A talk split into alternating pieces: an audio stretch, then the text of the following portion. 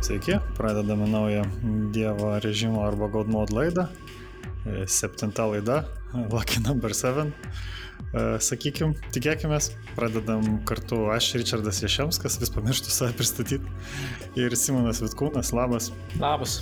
Tai jo, kaip minėjau, septinta laida, turim šešias, tai toks, na, visai, visai jau skaičius, e, nuo kurio galima atsispirti, pasižiūrėti, kaip sekasi. Tai svarstom, kaip toliau daryti. Gali būti, kad nuo kovo perėsim prie savaitinio, savaitinio formato. Vis tiek nu, daug atsiranda tų naujienų ir viską apie ką pašnekėti. Tai pasižiūrėsim, e, kaip gausis. Už tai tą progą norim padaryti tokią nedidelę apklausą ir, ir paklausti jūsų, apie ką daugiausiai norėtumėte išgirsti, na, apie ką daugiau, apie ką mažiau nes yra įvairių temų tiek apie žaidimus, tiek apie industriją, tiek apie Lietuvą, tiek apie užsienį, tai va tas tokias proporcijas kažkaip bandyti įsivertinti, skelbsim klausimus ir toj Facebook'e e, mūsų Dievo režimo, o taip pat e, galima e, na, laidų anonsus ir, ir pašnekėti su mumis ir su kitais kuriejais galima Lietuvo žaidimų kuriejo asociacijos slekia, tai lzk.slack.com, kviečiam prisijungti, laisvas prisijungimas. Na, o taip pat e, klausyti ankstesnių laidų galima mm, Dievo režimo Mixcloud'e, tai yra StartFM e, studijos e, Mixcloud'e. O ta, na, ilgesnė versija GodMode, tai daugiausia prieinama na, ir populiariausia, kiek žiūrėjom, Spotify, na ir taip pat kitose platformose, Apple, Google, turėtų veikti, žodžiu, visose podcastų platformose, kur ten sinkinasi. Bet patogiausia tai Spotify'us turbūt. Šiandien turėsime ganėtinai standartinės struktūros e, laidą, tai pradžioj naujienos, tada lietuviškų keletas naujienų. Smagu, kad vat, jau trečią laidą išėlės e, turėsim interviu su Lietuvo žaidimų kuriejais. Šį kartą su Tomo Varanecku, žaidimo Bloody Rally Show kuriejų. Na, pagrindinė tema, pagrindinė dalis laidos skirta nesenai pasirodžiusio Hitman 3 apžvalgai aptarimui. Ir dar pabaigoje šiek tiek apie PlayStation Plus servisą. Mes praėjusiu laidoje daug, daug kalbėjome apie Xbox, tai šiek tiek apie uh, Sony analogiją, ką jie siūlo. Keliaujam prie naujienų.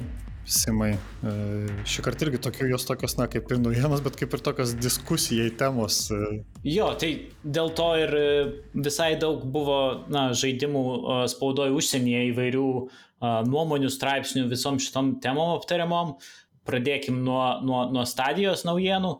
A, tai čia iškart po mūsų turbūt e, praeitos laidos vos tik įrašius naujieną, Drogstelė toks e, iš pradžių Berots Kotaku apie tai pranešė, vėliau pats Google patvirtino, kad e, Google uždaro studijas, kurios priklausė jau pačiam Google, kurios buvo susikoncentravusios ties žaidimų stadijai kūrimu Stadija yra na, Google žaidimų streaminimo platforma, kurioje nusipirkus abonementą galima nusipirktus toje platformoje žaidimus žaisti iš, per televizorių, neturit konsolę, visas žaidimas kaip ir a, paleidžiamas kažkur serveriuose, kažkur debesyse, tą patį galima daryti per naršyklę ir, ir, ir jie ketino plėsti būdus, kaip, kaip galima tą žaidimą žaisti.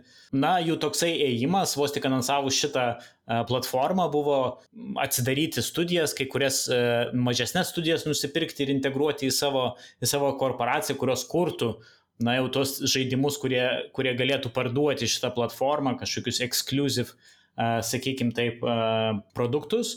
Ir, na, nepraėjus dviem metam nuo, nuo, nuo to visų atidarimo stadijos, tos studijos yra uždaromos, yra matomai keičiamas uh, turbūt verslo kryptis.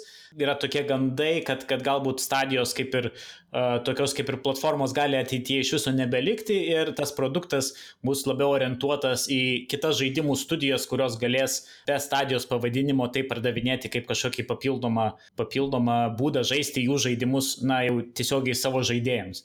Tai nežinau, tai čia pagrindinė diskusija, kuri vyko paskelbus šitą naujieną, yra apie, apie, apie didelės e, technologijų korporacijas, kurios sumano pradėti kurti žaidimus. Tai netaip senai turėjom e, visas istorijas su Amazon. Na, Amazon kaip ir dar neiš, nepasitraukė iš tų žaidimų kūrimo, na, ne, nenutraukė savo bandymo kurti naujus žaidimus, e, bet kol kas jų sąskaitoje yra du pralaimėjimai ir jokių pergalių. Na ir Google'as su šituo savo poelgių irgi, na, kaip ir atsisakė tų ambicijų, na, tai kyla tas klausimas, kaip, kodėl, kodėl tokia didelė korporacija turinti tiek daug pinigų ir tiek daug resursų, na, nesugeba kažkaip prasimušti šitoje industrijoje, žaidimų industrijoje. Na ir atsakymų įvairių variantų yra, yra kaip ir nemažai. Vienas, kuris toks mane gal labiausiai įtikina, tai kad tiek Google, tiek Amazon atvejais tas žaidimų kūrimas, jisai, tai nebuvo žaidimų kūrimas dėl žaidimų kūrimo, ar ne? Tai buvo žaidimų kūrimas norint įgyvendinti dar kažkokius uh, verslo tikslus, ten, ar, ar pademonstruoti kažkokią e, streaminimo technologiją, sukurti integraciją su YouTube. Amazon atveju tai turėjo būti kaip toksai, na, reklaminis produktas naudoti kitiems žaidimų kuriejams Amazon debesijos paslaugas, tą, tą AWS paketą. Taip jau išeina, kad galbūt tie visi kiti tikslai, tie business corporate tikslai užgožia tą žaidimų kūrimo procesą ir nelabai, nelabai su juo gerai dera. Nežinau, galbūt, galbūt tai uh, lūžis ir daugiau tokios didelės technologinės korporacijos neįs į tos žaidimų kūrimus, nors iš kitos pusės galim pagalvoti, kad tiek ir Microsoft, tiek ir Sony jos irgi nėra kažkokios uh, vien tik žaidimais užsiemančios studijos, na ir jos irgi yra didelės korporacijos, kuriuom uh, kažkaip tos žaidimus sukurti pavyksta ir, ir, ir žaidėjai, žaidėjai susirenka žaisti būtent, būtent šių dviejų kompanijų žaidimų. Kiek, kiek irgi skaitant ir, ir kalbant apie tai ir klausant, gali būti, kad tiesiog neįvertino, kiek reikia laiko ir kiek reikia pastangų sukurti didelius žaidimus. Mm, per senogi Google'as ir buvo pasisamdęs man atrodo, Jade Draymond, jei mhm, neklystu, taip, taip. Assassin's Creed, kurį atvedė, nu, kaip ir produsavo seriją. Mhm.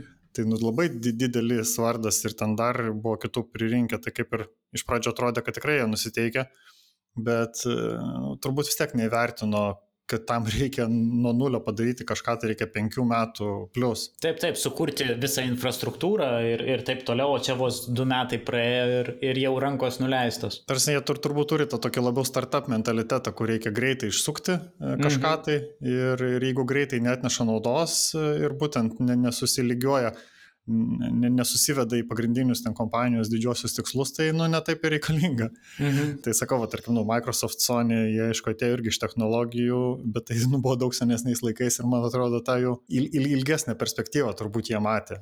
Nesitikėjo gal ja. tokio greito atšokimo. Iš kitos pusės, va, tas pats Facebook, nu, kažkadagi buvo karalius žaidimų su casual tais visais mm. farmviliais, o paskui viskas dingo. Ir dabar kaip jie bebando sugrįžti tą gamingą, jam irgi nepavyksta. Mm -hmm. Tai toks, nu, čia nėra, nėra lengvas dalykas.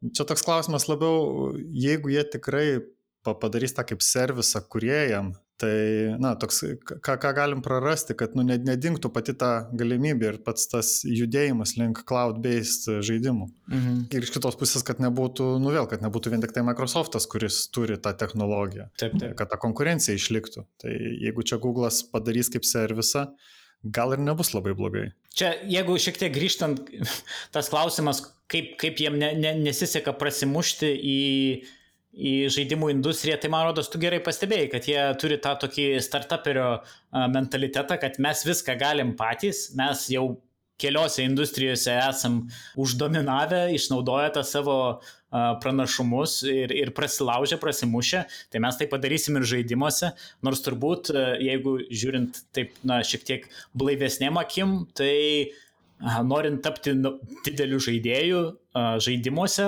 turbūt tiesiausias kelias yra atverti plačiai piniginės tokia, tokiems kaip Apple ir Google, na ir pradėti įsigyti kažkokias jau rimtas studijas, kurios jau yra užsidirbusios vardą, turi, turi franšizės ir taip toliau. Kodėl taip nėra, tai irgi neaišku, na bet, bet Iš kitos pusės gal ir geriau. Yeah. Jo, vat būtent Google ir Amazon atveju aš tai nu, nelabai norėčiau, kad jie pradėtų pirkti mm -hmm. studijas. Tarsi kažkaip, kai Microsoftas tavo perka tas studijas vieną po kitos, nu kažkaip jau vis tiek praėjo daug metų, mm -hmm. jau jie įsibėgėja, turi kažkokį tai matymą bendrą ir ta vadovybė pasikeitus nuo jau pačios pradžios, nu kaip mes jau atkalbėjom prieš kelias laidas kaip tą Nintendo norėjo pirkti. tai, tai kažkaip, nu, atrodo logiška, bet vad Google ir Amazon atveju, nu, man nebūtų smagu, jeigu jie tiesiog pirktų sėkmingas, fainas e, studijas. Jo, Microsoft netgi aš esu girdėjęs, kad, e, nu, to korporatyviniai struktūroje tie žaidimai nebėra tas mažasis brolis, kurį visi skriaudžia, kai jiems ko nors reikia ir kurį visi išnaudoja savo tikslams, o tai yra na, jau tam tikrą svorį toje struktūroje turintis padalinys, kuris e, gali ir diktuoti uh, tam tikrą strategiją ir, ir pats priiminėti kažkokius sprendimus, o Google ar Amazon atvejais tai turbūt to nebūtų. Tai antroji naujiena irgi tokia e, plačiai nuskambėjusi ir, ir daug apie ją rašyta buvo, buvo, e, na, kaip ir nelaimė nutikusi CD Projekt Red, Cyberpunk ir, ir Witcherio kuriejams. Tai apie, apie šią kompaniją jau tradiciškai kiekvieną laidą turim kažką papasakoti. Na tai šį kartą buvo įsilaužta į jų IT infrastruktūrą, atlikta ta vadinama ransomware ataka, kai buvo užšifruoti duomenys ir tada prašoma susimokėti kompanijos už tai, kad jie galėtų būti atšifruoti, bet tuo pačiu buvo ir pavokta intelektinė nusavybė, tai konkrečiai žaidimų source kodai, kurie, kurie vėliau buvo pardavinėjami juodojo rinkoje. Ten aišku, gana sunku yra patikrinti, kas ten iš tikrųjų vyko ir ką ten iš tikrųjų pardavinėjo, na, bet bent jau tokie, tokie gandai nepatvirtinti yra, kad, kad buvo netgi parduota kelių žaidimų source kodo kažkokia versija nenurodytiems šaltiniams. Na, tai čia apie šitą istoriją gal iš tos vertinimo pusės ir nėra ką labai daug šnekėti, na, tai yra tiesiog agresija prieš kompaniją, nusikal, nusikalstama veikla be jokios abejonės. Ir tai galima tik tai užjausti žaidimų kuriejus, kad jiem reikia užsimti tokiais dalykais ir, ir na, pasmerkti tuos, kurie taip daro. Na, iš kitos pusės, tai galbūt tai toksai yra ir, ir na, ženklas, turbūt sunku yra pasakyti, ką tie a, kompiuterių hakeriai iš tikrųjų galvojo, kokia jų ta tikroji motivacija buvo, ir, ir kas ją galėjo įtakoti, bet tai, kad CD Projekt Red e, bent jau žaidimų mėgėjų akise iš na, tokios numylėtos kompanijos, kuri būk tai buvo visą laiką už žaidėjus, jos stipriai, stipriai jų pusėje bandė na, nebūti ta, ta didelė korporacija melžiančia pinigus. Na, jie tapo tiesiog dar viena, dar viena kompanija, dar viena studija, nieko neišsiskiriančia ir tai atsitiko būtent dėl Cyberpunk visos istorijos apie na, praėjusios kartos konsolių trūkumus, žaidžiant Cyberpunk žaidimą, visą tą tokią nerangi komunikacija apie, apie tai, ką kompanija daro, kodėl taip atsitiko, visi tie pasiteisinimai begaliniai ir taip toliau ir panašiai. Na, tai ta geroji valia buvo išvaistyta Na ir galbūt kažkam, kažkas taip pykti savo rodo ant, ant jų. Na, čia visiškai spekulacija bent jau iš mano pusės. Karmos, karmos taškus ja. prarado labai, labai stipriai, ne?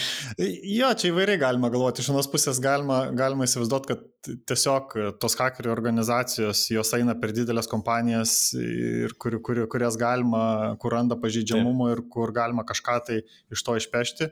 Kiek aš skaičiau, tai ten buvo ta, kaip ir kaltinama ta pati grupuotė, kur ten krūva yra didelių kompanijų mm. nulaužus ir, ir, ir prašius išpirkos.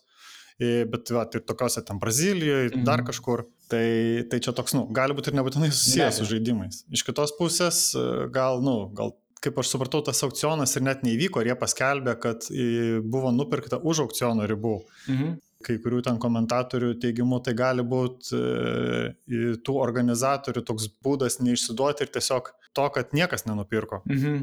Nes yra buvę irgi tokiu atveju, minėjo kelis pavyzdžius, kur buvo daug duomenų pavokta irgi skelbtas konkursas, irgi paskelbta, kad kažkas nusipirko jos, o po to nieko, nu, niekur jie nebuvo atsiradę, niekur nebuvo panaudota. Tai, tai čia yra dar viltis tokia, kad vis dėlto to source kodo niekam ir nereikėjo, nes, vat, nu, irgi kaip, kaip kalbėjom dar prieš laidas mm. anksčiau, kai čia viskas vyko, kad, nu, kam reikia to source kodo, kokį jisai gali duoti privalumą. Kas gali mokėti tokius milžiniškus pinigus, nes ten sumos ėjo apie pusę milijono, milijoną ir, ir netgi kelis milijonus už, už tą source kodą. Taip, taip, ir ir, ir ką tu darysi, nusipirkęs tą kodą, tai tu reikia ką, nu, kursi analogišką Cyberpunką, Witcherį, nu, tai tam tu reikia kelių šimtų žmonių, tai kas iš tos source kodo.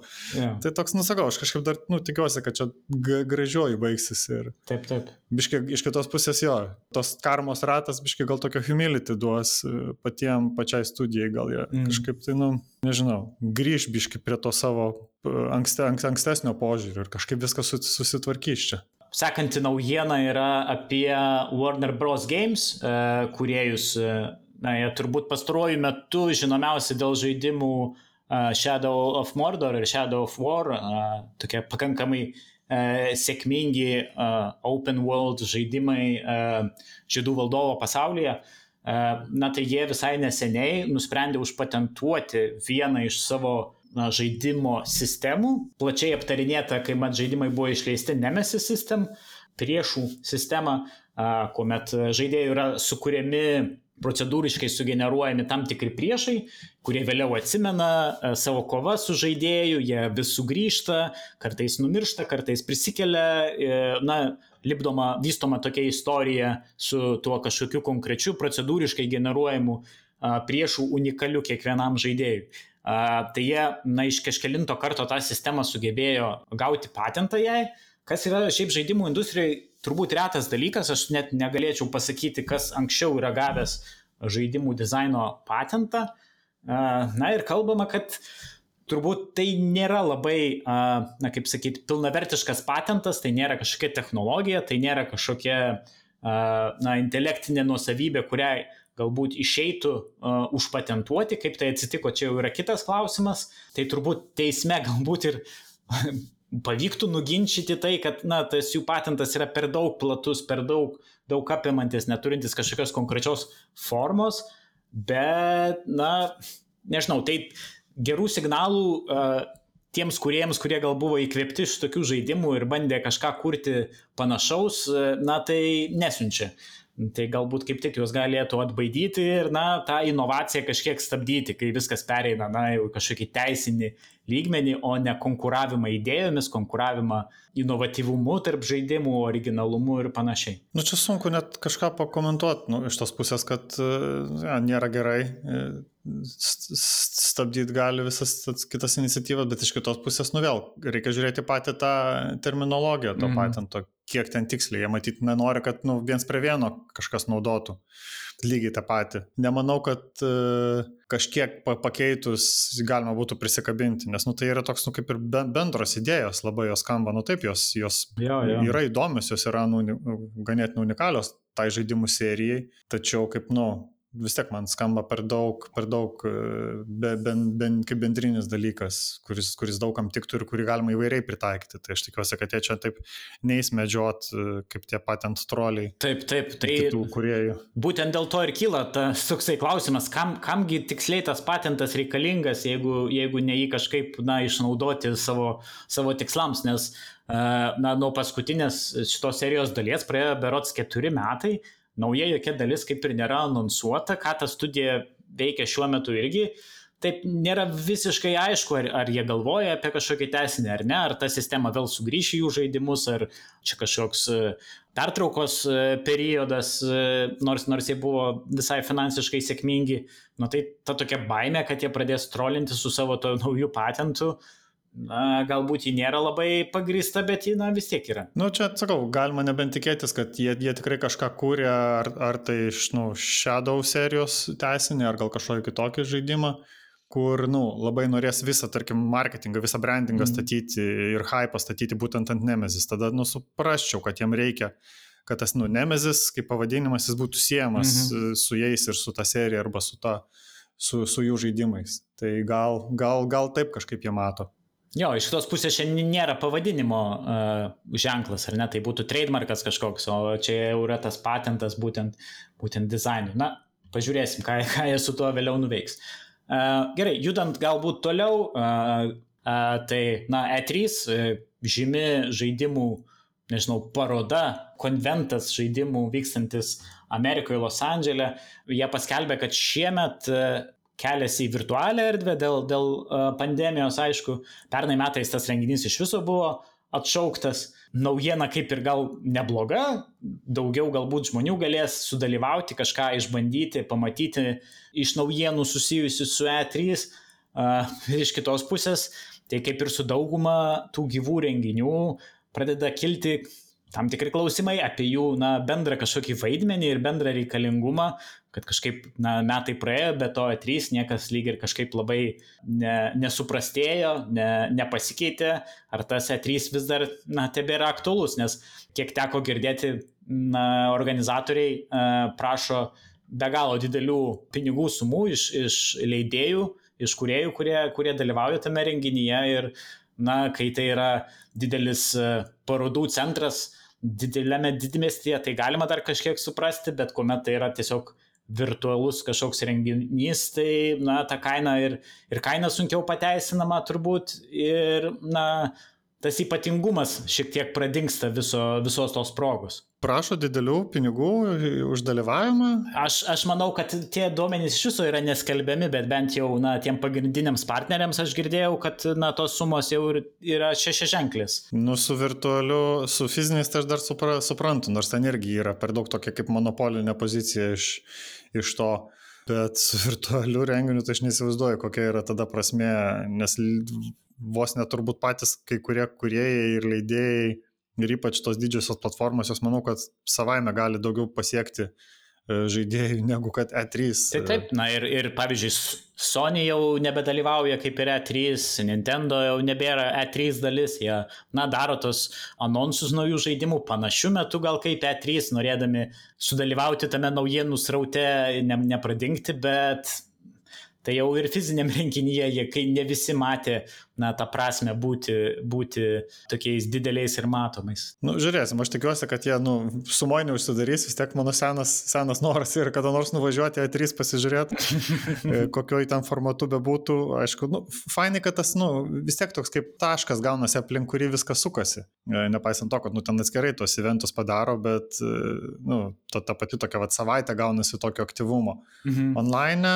online tas vis tiek, nu, gal kažkiek tą koncentraciją padės į vieną vietą vietą, bet, bet kaip suprantu, vis tiek labiau pasiteisino, nu, praeitus metus žiūrint, e, mažesniais gabaliukais pateikiamos naujienos, kas kažkiek laiko.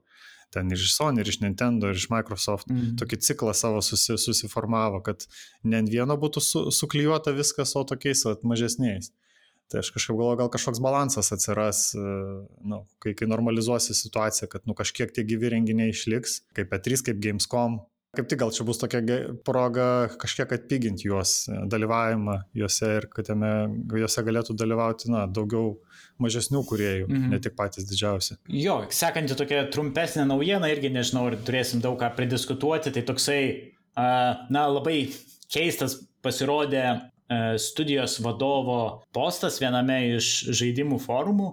Tai studijos, kuri, kuri kūrė Ori and the Blind Forest ir, ir, ir kitus Ori žaidimus apie, na, kaip jis rašė, melą ir, ir, ir pardavinėjimą melo uh, iš kitų studijų. Tai konkrečiai jisai uh, dūrė pirštu į uh, Peterį Molinę, uh, kuris, na, savų laikų žymus žaidimų dizaineris, uh, sukūręs tikrai žinomus žaidimus, Populous, uh, Black and White, Fable, uh, kuris būdavo pagarsėjęs savo tokiu svajojimu interviu metu, kai jisai sugalvoja naujų žaidimo galimybių, kalbėdamas su žurnalistais, apie kuriuos jo komanda dar net ir e, nežino.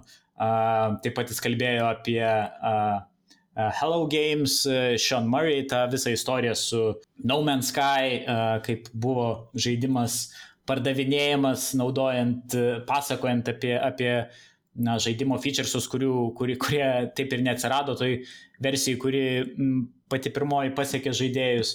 Ir kartu dūrė pirštu į CD Projekt Red ir, ir Cyberpunk ir jų visą marketingą, tai ką jie pasakojo anksčiau apie, apie savo produktą, koks jis bus, ką žaidėjai galės jame veikti ir panašiai. Na ir jo toksai buvo labai kritinis, toks vertinimas, gana, gana toks piktas, ko šiaip turbūt ne, ne, ne, nesulaukėme iš na, kitų industrijos atstovų, kad jie kritikuotų, kritikuotų kitas studijas taip, taip atvirai ir taip viešai. Jeigu, jeigu tas žmogus nebūtų studijos vadovas, turbūt apie tai net ir nebūtų jokios prasmės šnekėti, tai tų piktų pasisakymų ir piktų postų forumuose būna apstu, bet kai, kai tai pasielgia užimantis tam tikras pareigas industrijos žmogus, na, tai visų, visų antakiai pakyla į viršų ir, ir pradedama kitaip galbūt vertinti. Na tai nežinau, ar kiek, kiek tos gerosios valios jisai tarp žaidėjų laimėjo, ar jis čia bandė kažkaip kažkokią reputaciją susidaryti kaip gynėjas tų vartotojų, stoti jų pusę, ne į žaidimų kuriejų pusę, kurti kažkokį konfliktą, nežinau, man tai visa istorija labai keista ir, na, Na, turbūt ori žaidimus kitaip pra, žiūrėti nepradėsiu, bet į tą studiją tikrai nuomonė apie ją pasikeitė šiek tiek. Vat būtent kažkaip labai keista toksai klešas gaunasi tarp to, kokie yra gražus ir pozityvus teorijos žaidimai. Taip. Ir tarp tokio vat išstojimo. Nu, jis paskui atsiprašė, aišku, kitą dieną, bet, nu, vis tiek, nu, tai yra, gal čia kokios nors, nu, tos pandemijos režimo pasiekmes, mm. kai visi užsidarė ir neturi su ko pakalbėti. Tai čia, tarkim, nu, tokia kaip jisai paskui sakė, va, aš norėjau diskusiją paskatinti. Nu, tai net ne, ne, ne tas formatas turbūt diskusiją skatinti tokiu būdu. Čia kažkokiam va renginiui, pavyzdžiui, va, tęsint renginių temą kažkokiam gyvam arba onlininiam renginį, nu turbūt tiktų tokia diskusija būtent apie overhypą, tą, apie pažadus e, dalinamus labai lengvai ir nevykdomus, bet tu čia, žinai, bet kokio industrijai gali, tai Masko paklaus, paklausai, tai ką, žinai, man, ką, ką jis ten šneka, tai jau, e, čia visur tas yra. Tai kaip, kaip ta man, tu tokia svarbi apie tai pakalbėti, nu, bet tikrai netokiu tonu ir, ir tikrai neiš, nu, neižeidinėjant. Ir, duotojų momentų tas nieko konstruktyvaus neduoda. Jo, jo. Nu, galbūt, galbūt, ne, parodo, kad ta tema dar yra gyva ir, ir tarp žaidėjų jisai tam tikrą nervą turbūt užgavo ir, ir tarp kuriejų, kurie, na, šitais klausimais kartais gali jautriai sureaguoti, net kai kritika ne į juos konkrečiai yra nukreipta. Na, tai ta tema turbūt, turbūt dar yra aktuali ir kaip tu sakai, turbūt uh, verta, verta apie ją diskutuoti, tik tai netokiu būdu. Ai, dar tik e, pridėsiu čia irgi per, per, per kitus podcastus e, gerai atkreipė dėmesį, e, nes jis pavartojo frazę snake oil pardavėjai. Mhm, taip, taip. Tai jo, nepatingėjo pasidomėti, kad, nu, tą pačią istoriją, kas tas yra snake oil ir kaip jis atsirado tas terminas. Mhm. Tai, tai verta pasiskaityti ten tiek Wikipedijoje, bet ypač, ypač siejant su, su Kinijos medicina, mhm. nes čia pasirodo buvo rimtas dalykas ir ir, tik Amerikoje tą ir Anglijoje tą iš, iš, išsuko ir pradėjo feikinti, mhm. E, nes nebeturėjo kaip, kaip pagaminti to tikrojo e, kiniško snake oil. ir už tai atsirado tas terminas. A. O paskui buvo, žodžiu, jog ir 2000-aisiais, ar čia biškai dar anksčiau, grįžo keli mokslininkai prie šito dalyko ir pradėjo tyrinėti ir rado, kad ten tikrai nu, buvo labai svarbus e, dalykas kaip, e, nu, kaip omega-3, e, žodžiu, rūkščių šaltinis, būtent vandens gyvačių tas aliejus. Mm -hmm. tai toks side story labai iš to įdomus gavosi, bent jau man. Aha, iš tiesų. Paskutinė naujiena, ką galim paminėti šiandien iš užsienio, tai apie Bliskoną. Blizzardas paskelbė na, tas, tą tokį programą renginio, kuri E, kuris beros prasideda 19-20, bet jo, pa, pa, pagal mus tai bus, nu, naktim e, tie renginiai, tai aišku, kas, kas nemegos, tai galima pasižiūrėti, nes kaip ir, nu, savaitgalio pradžia. Jo, bet, bet turbūt ką galima jau iš programos suprasti ir, ir ką, apie ką na, jau buvo šiek tiek kalbama socialiniuose tinkluose, sprendžiant iš Blizzard korporatyvinių ataskaitų, ką jie planuoja nuveikti per sekančius metus, tai E, panašu, kad naujų žaidimų, konkrečiai Overwatch 2 arba Diablo 4, kurie jau kaip ir anonsuoti ir jau laukiami žaidėjų, šiemet neišvysime, reikės laukti kitų metų ir turbūt, e, na bent jau kitų metų pavasario. Galbūt liūdnesnė naujiena apie, apie Blizzardą, jisai vis ne, neišeina iš tos uh, tos kreivės kritimo žemyn. Na, be abejo, jie vis dar turi be galo sėkmingus e, žaidimus, kuriuos žaidžia labai daug žaidėjų, bet e, bent jau žaidimams besidomintiems e, žmonėms tai visą laiką na, smalsu, ką, ką toliau, ką naujo, ką, ką originalaus jie išleis ar kokį tesinį.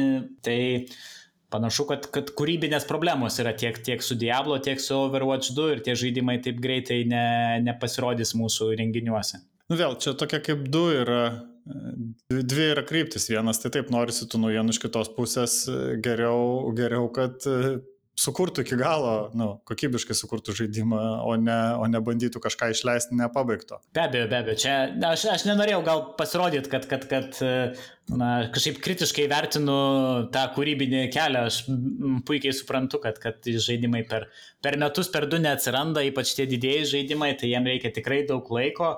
Na, bet, na, to, tokie lūkesčiai gal šiek tiek buvo sukelti, nes, nes šitie, tai nėra, nėra taip, kad jie, na, pernai, tarkim, būtų anonsavę tuos žaidimus ir mes būtume jų laukę. Būtent, kad labai jau daug praėjo metų nuo ir nuo Overwatch'o ir iš vis nuo kažko tokio substantially, taip, kaip čia pasakius, naujo.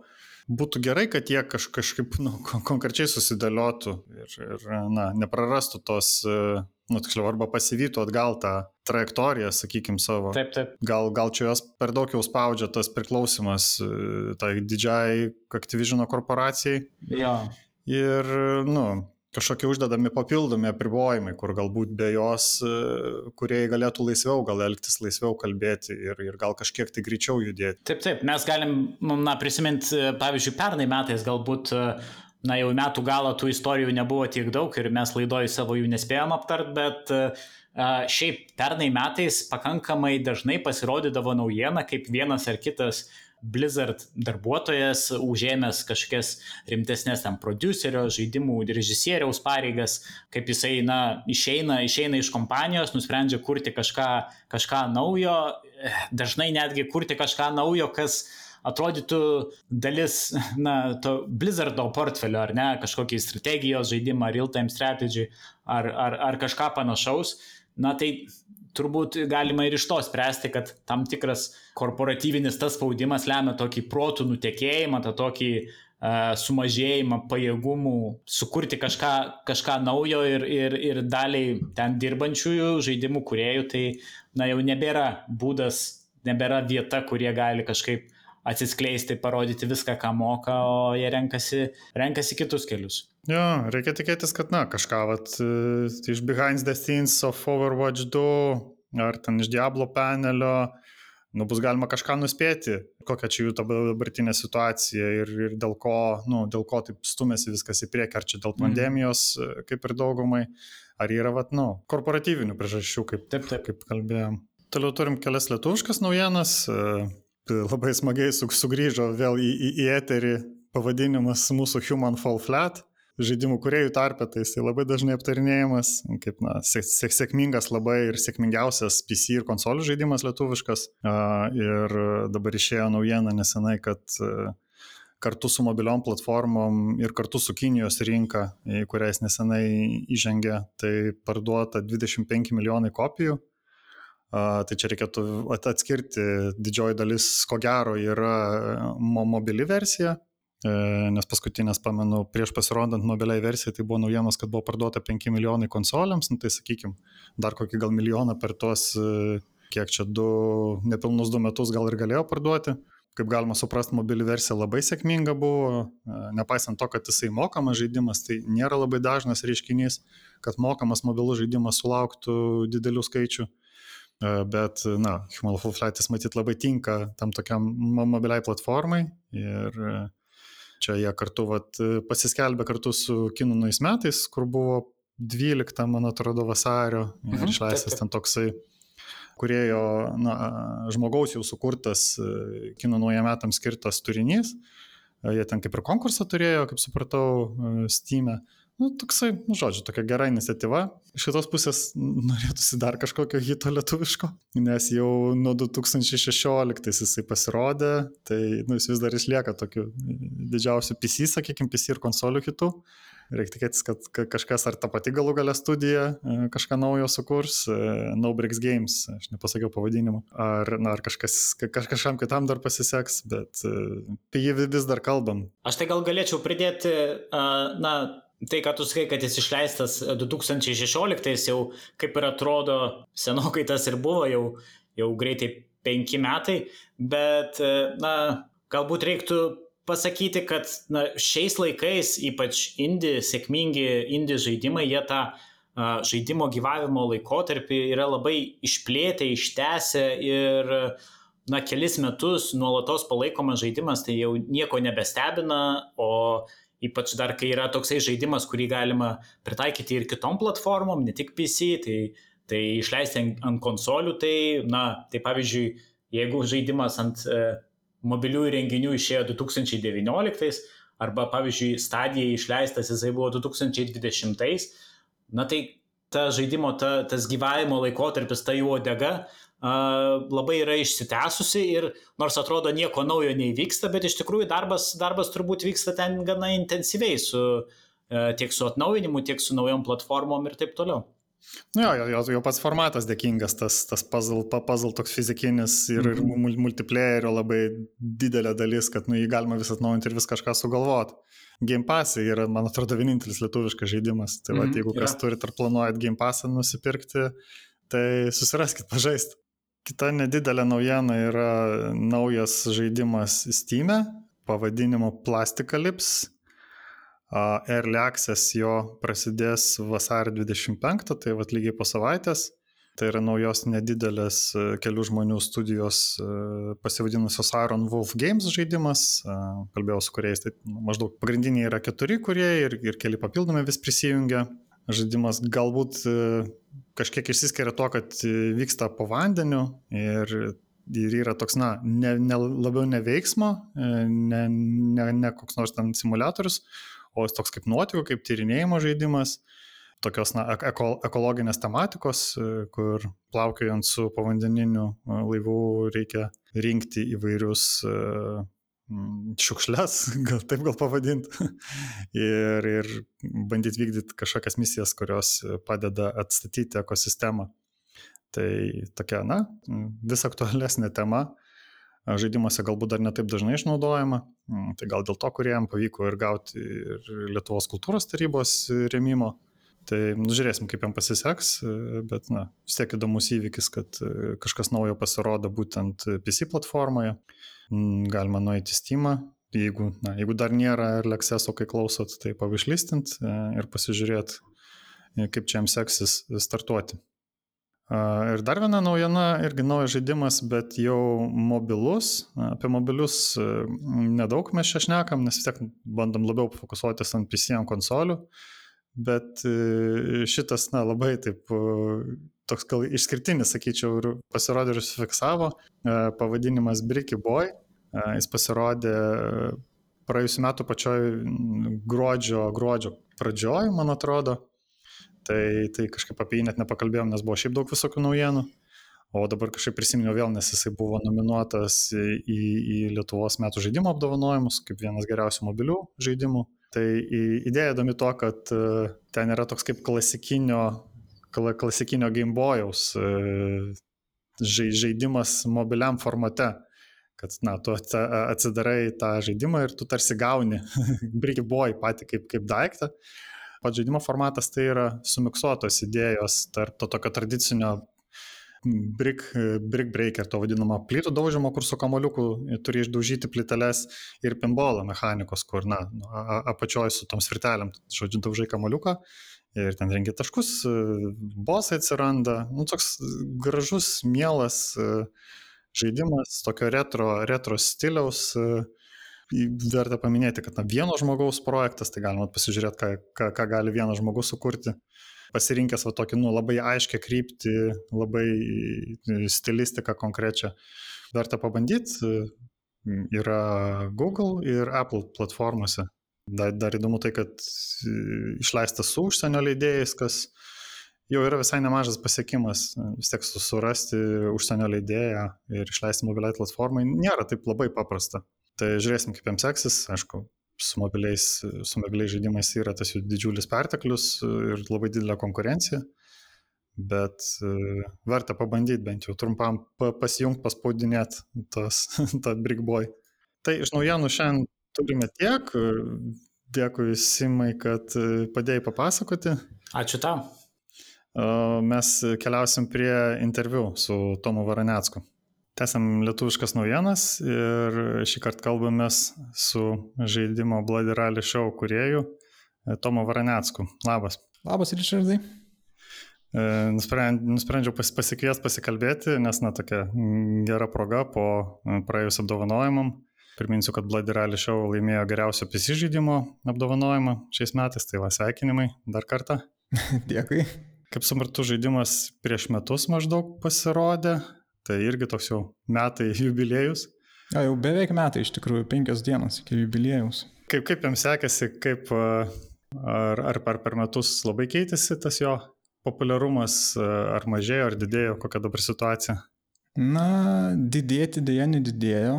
Buvo tipinis indie žaidimo variantas, kur per pirmą savaitę nueina daugiausiai pardavimų ir po to viskas labai stipriai staigiai krenta ir tik per akcijas realiai žmonės tebe nusiperka. Tai va, galiu netgi iš tikrųjų atskleisti šiek tiek faktų, kiek žaidimas uždirbo, kiek pardavė kopijų ir, ir kaip šiaip sekėsi. Mhm. Tai galiu pasakyti, kad vat, per metus pardaviau 2,5 tūkstančio kopijų. Didelę dalį iš jų pardaviau su akcija, nes, nu, be akcijų nelabai kas ir nori pirkti. Va, tai žaidimas uždirbo pajamų, tų, kurias jau Steamas jau man pervedė po visų PVM ir po savo 30 procentų kato apie 18 tūkstančių dolerių. Į žaidimo sukūrimą esu suinvestavęs gal 5000 eurų savo pinigų ir apie 2 metus laiko, mm, dalį to laiko, kadangi tuo metu dirbau, ėmiau atostogas, dirbau trumpesnės valandas, nes dirbau valandinių tarifų. Tai turiu pasakyti, kad žaidimas stipriai neatsipirko, bet vis tiek esu labai patenkintas, kad jį dariau. Buvo toks kaip ir gyvenimo gaulsas įvykdytas, nes nuo vaikystės svajojau kur žaidimus. Ir tai buvo toks na, didelis milestonas gyvenime, kad išleidau kažką iš tikrųjų, nu, tokio didesnio. Toks didžiausias, sakykime, projektas, kokį esu turėjęs iki šiol. Mhm. O, o ką prieš, prieš kuriant žaidimą, arba, na, šalia, kaip suprantu, tai vis tiek dar nėra, kad vienintelis tavo veikla šiuo metu? A, šiuo metu jau vienintelė, nes išleidęs Bloody Rally Show aš nusprendžiau, kad noriu tęsti su žaidimais ir duoti tam gal šiek tiek didesnį, na, stipresnį šansą išbandyti save su kažkuo dar didesniu. Tai išėjau iš darbo ir dabar jau beveik metai, kaip darau kitą savo žaidimą. Bet prieš e, pilnai investuodamas visą save į žaidimų kūrimą, tiesiog dirbau programuotojų kokių 20 metų.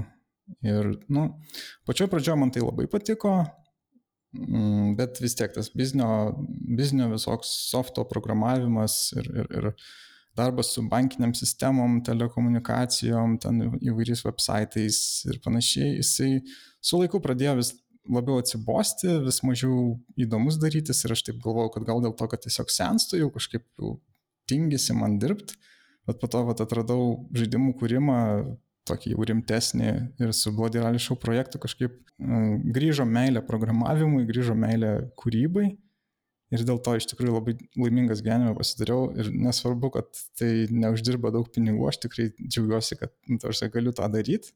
Labai tikiuosi, kad žaidimų kūrimas galės padėti išsilaikyti finansiškai ir, ir neteks grįžti atgal į darbą artimiausiais, nežinau, bent dešimt metų.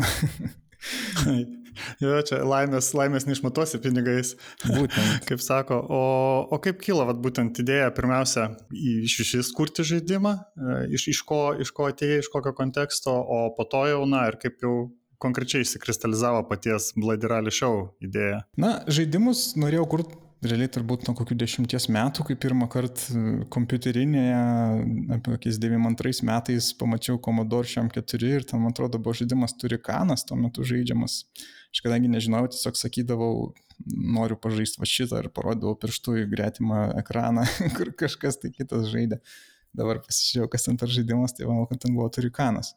Tai va, na, vaikystėje turėjau dar nesklonus, kuriuos, manau, Lietuvoje daug kas tuo laiku turėjo, UFO, Ziliton ir panašiai, ir tie va dalykai visi mane kažkaip tokį, nu, nuo mažens padarė, įdėgė kažkokį tai norą domėtis žaidimais, atsimenant, popieriaus pieždavau ten su klasioku levelius visokius, ten viens kitam duodavom po to praeidinėti juos su pieštuku.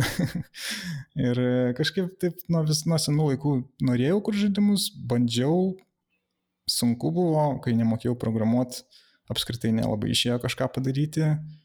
Pirmas žaidimas gal buvo su Paskaliu darytas dar mokykloje, atsimenu, kad atsirėmiau 64 KB failo dydį Ir kadangi tada tuo metu net interneto neturėjau, nemokėjau dokumentacijos paskaityti, tai tiesiog trumpinau kintamuosius, kad galėčiau kuo daugiau sukišti kodo į tą failą.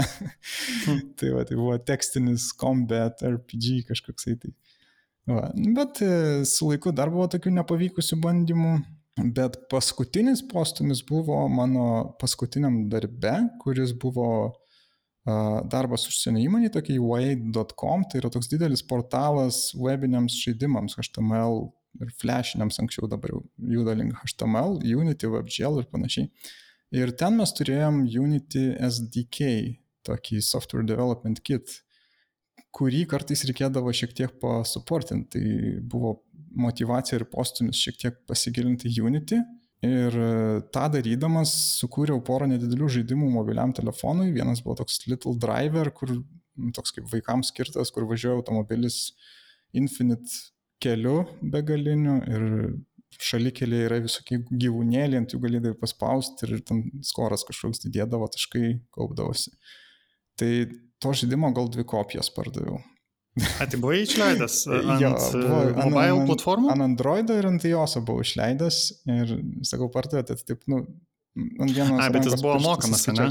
Jo, jo, aš nusprendžiau tada, kad padaryti reikia mokamą. Tai kitas bandymas buvo sukurti žodžių žaidimą Relaxicon, kuris dabar šiuo metu beje yra Steam. Uh, tai tas žaidimas buvo nemokamas su adsais ir su unlocku, kur galėdavo adsus išjungti. Tai iš jo jau atėjo daugiau revenue, iš jo gavau apie vieną dolerį. ir kokių 50 downloadų. Tai tada aš nusprendžiau, kad reikia Relaxikoną pabandyti paportinti PC ir padariau Steam versiją įdėjau Steam ir surprisingly jisai uždirbo apie šimtą.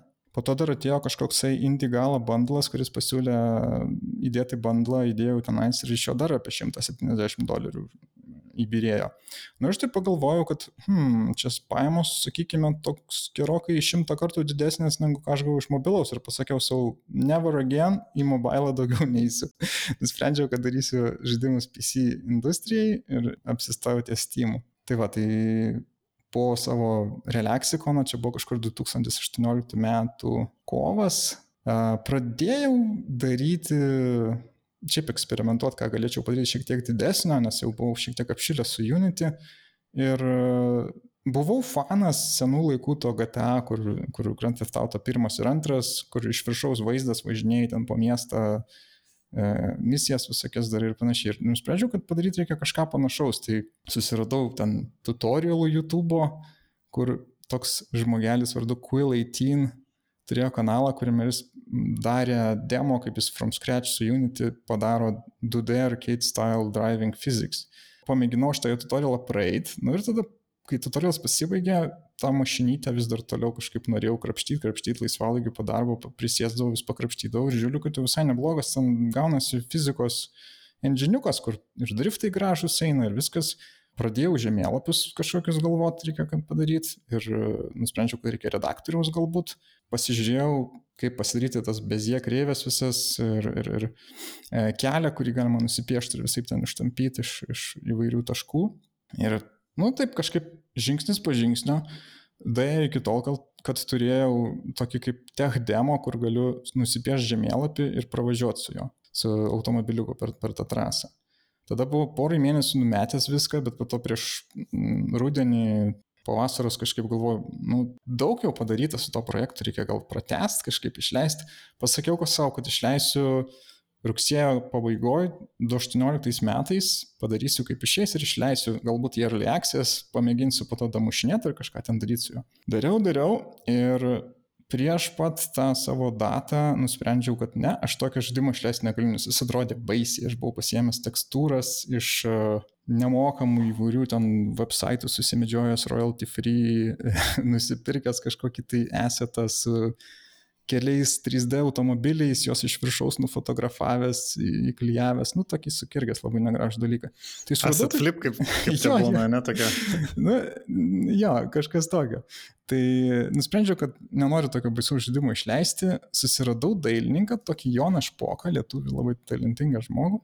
Jis man pasiryžo viską perpaišyti ir mes pradėjom tokią didelę misiją. Jisai perpaišinėjo viską ką aš buvau tenais prisi, kaip meškienas prisitempęs iš, iš įvairių interneto užkampių. E, tuomet dar susiradau žmogų, kuris e, sukūrė muziką, tokį suomį e, D-Fast, jo pseudonimas Harry Dam. Ir dar atsirado vienas žmogus iš Portugalijos, atrodo, kuris man pasisiūlė pats nupiešti UI gražų. Ir, nu, wow. tiesiog uh, nupiešė į tą UI. Uh, Po to baigėsi to, kad e, aš jam dar ir sumokėjau, nes labai kaltas pasijutau, nes labai gražus buvo tas UI.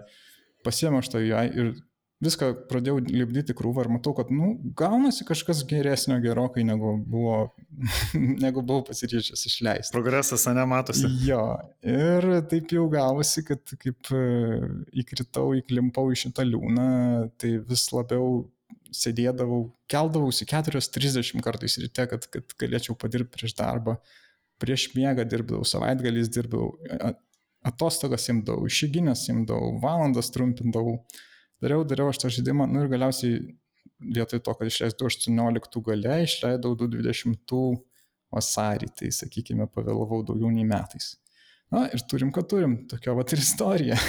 O kaip jo, kaip susitikimas jo buvo pirmos reakcijos, pagal, pagal apžvalgas tai žiūriu, kad visai, visai nebloga situacija. Startas tai tikrai buvo sunkus ir su keblumais, nes man dar buvo toks įdomus dalykas, kad įvyko kažkoks Steam bugas ir mano wishlisteriai žaidimo, kurių buvo beje gana mažai, tik 2,5 tūkstančio, e, jie gavo laišką su neveikiančiu mygtuku ir be kainos. Tai kitaip sakant, announcementas buvo nu, toks feilas, kad iš vis niekas net negalėjo nueiti nusipirkti iš, iš e-mailą, jie turėjo eiti į Steamą ir ieškoti savarankiškai, kaip sakoma, ieškoti žaidimo, kad jį nusipirkti. Tai man pora žmonių padėjo, aš ten Twitter'yje parašiau, sakoma, paustą ir kažkas iš Steam'o kažkoks žmogus, žodžiu, iš Timo, Alex Kroll atrodo, padėjo man ir, ir padarė taip, kad Bloody Rally Show tapo featured savaitėj. Tai čia man buvo kaip aklai vištai grūdas. Savaitę laiko indie ir racing kategorijose buvo didžiulis baneris Bloody Rally Show. Ir realiai tas dalykas mane turbūt ištempė į viršų, bet dėja taip nepadėjo labai stipriai, nes žaidimas pardavė tik tai gal 150 kopijų Ne, pirmą dieną 100 kopijų, per savaitę pradedu 150, o tai vad buvo. Nu, bet vis tiek kažkoks kabliukas jau, jau buvo, nu, už ko kabintis. Jo, ir, na, sunkokai surinko tos pirmosius reviewus, kad gautų skorą.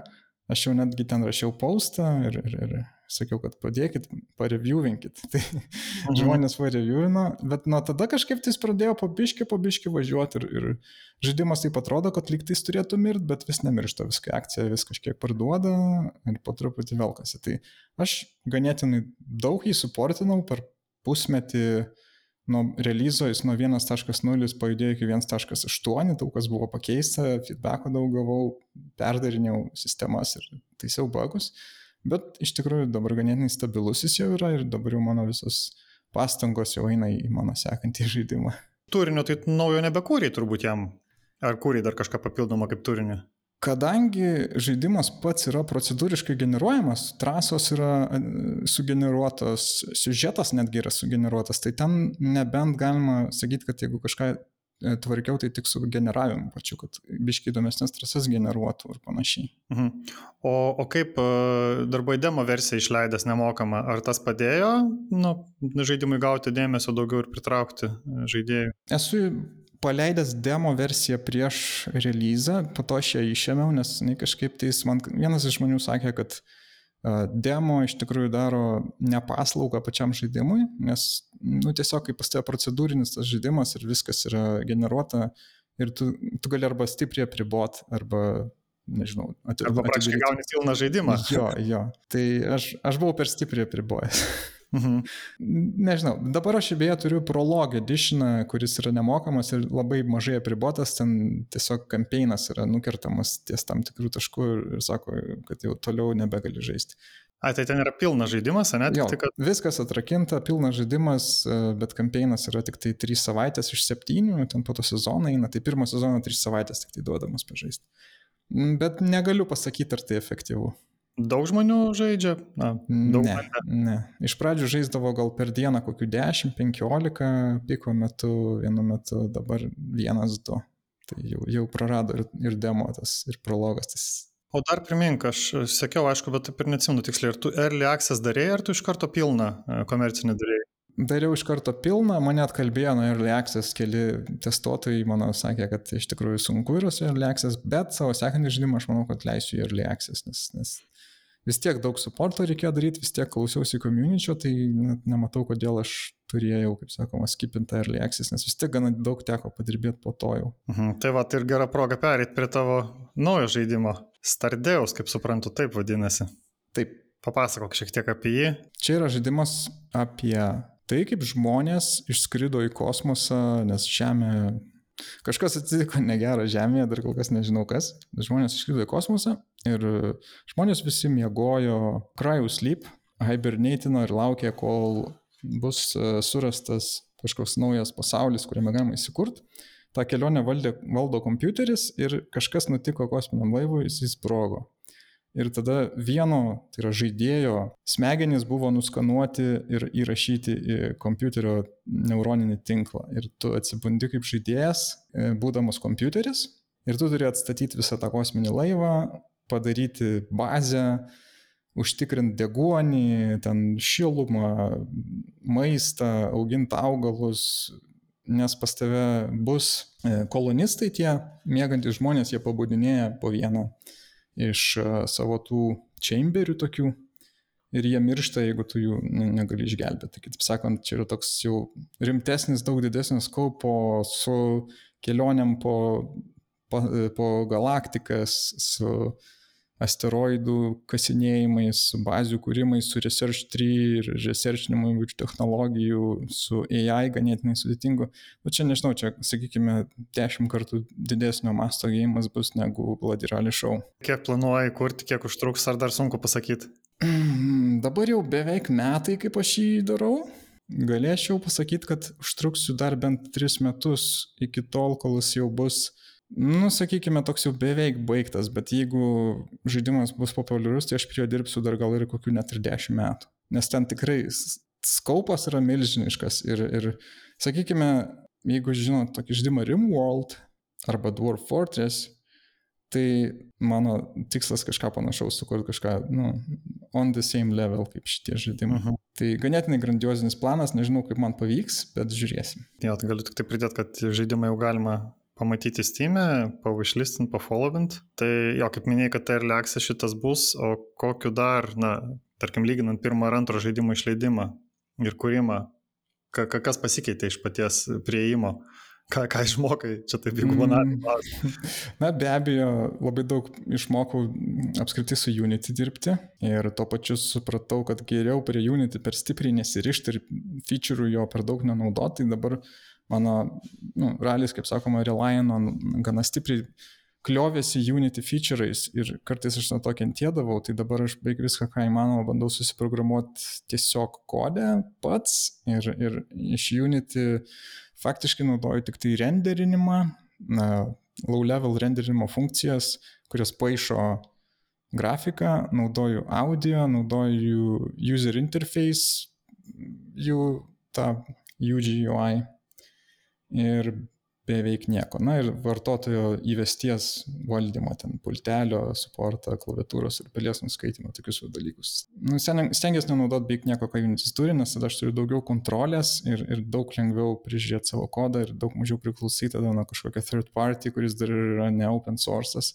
Čia šiek tiek bakstelimas Uničiui, kad galbūt padarys open source, o labai būtų smagu, jeigu Unity kada nors būtų open source'as. O, o dar be šito žaidimo, na, kadangi toks didelis projektas ir daug metų, kaip sakai, ar kažką dar mažesnio kursi, ar kaip, na, kaip, kaip, kaip įsivaizduoji, išgyventos metus kelis? E, manau, kad ne, na, dėl pragyvenimo tai šiek tiek paėmų ateina iš ralio, šiek tiek turiu santaupų, žmona dirba, tai tikiuosi, kad sugebėsiu išgyventi tol, kol na, Stardėjusios išeis į Early Access. Labai tikiuosi į Early Access išeiti bent jau po kokių metų ar dviejų, nu, kaip sako, nedaryti viso žaidimo iki galo, bet noriu išeiti į Early Access turėdamas jau gana didelį kiekį višlistų ir, ir, ir ganėtinai gerą žaidimą, kuris jau bus stabilus ir įdomus, o ne tai, kad visas sulūžęs ir, ir po to, kaip sakoma, blogus reviewus rinkti už tai, kad išleidau kažką nedakepto. Pabaigai tada dar noriu paklausti, kur tu, tu visai daug daliniesi apie savo kūrybą ir, ir skaičiais ir, ir visokiais patarimais. Kur tave geriausia sekti ir, ir kaip ieškoti? Aš naudoju Twitterį gan aktyviai, esu dev underscore spajus Twitter'e, taip pat esu dev underscore spajus Twitch'e Ir e, dažniausiai streaminu darbo dienomis savo programavimo visą procesą, kaip sakoma, visą prie startėjusio, kai dirbu, tai beveik viskas yra filmuojama ir, ir, ir komentuojama, tai jeigu įdomu, galite ateit pasižiūrėti. Kažkaip ne, ne, negirdėjau, kad populiaru būtų dar bent jau pas mus uh, streamint uh, kūrybą žaidimų.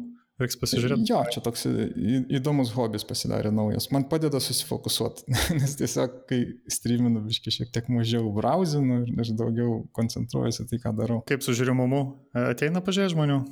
Pradžioj buvo kokie nuo 0 iki 2 žiūrovų, dabar būna gerų metų 10-15, kartais pareidina koks nors Jonathan Blow ir būna 150, tačiau retas. Geras, tai čia toks nu, visai, visai skaičius. Na, bet ne kasdieną čia tai būna. tai ką, dėkui tada labai, Ačiū, ačiū labai už interviu, Richardai. lauksim naujienų, eikit pažaisti Bladirelį, pasiekit uh, Stardeus uh, ir uh, kurieją. Kalbėjome su Tomu Varanecku ir iki tada, iki kito karto. Iki, dėkui. O mes keliausim prie pagrindinės šios laidos temos. Tai yra Hitman 3 apžvalgos.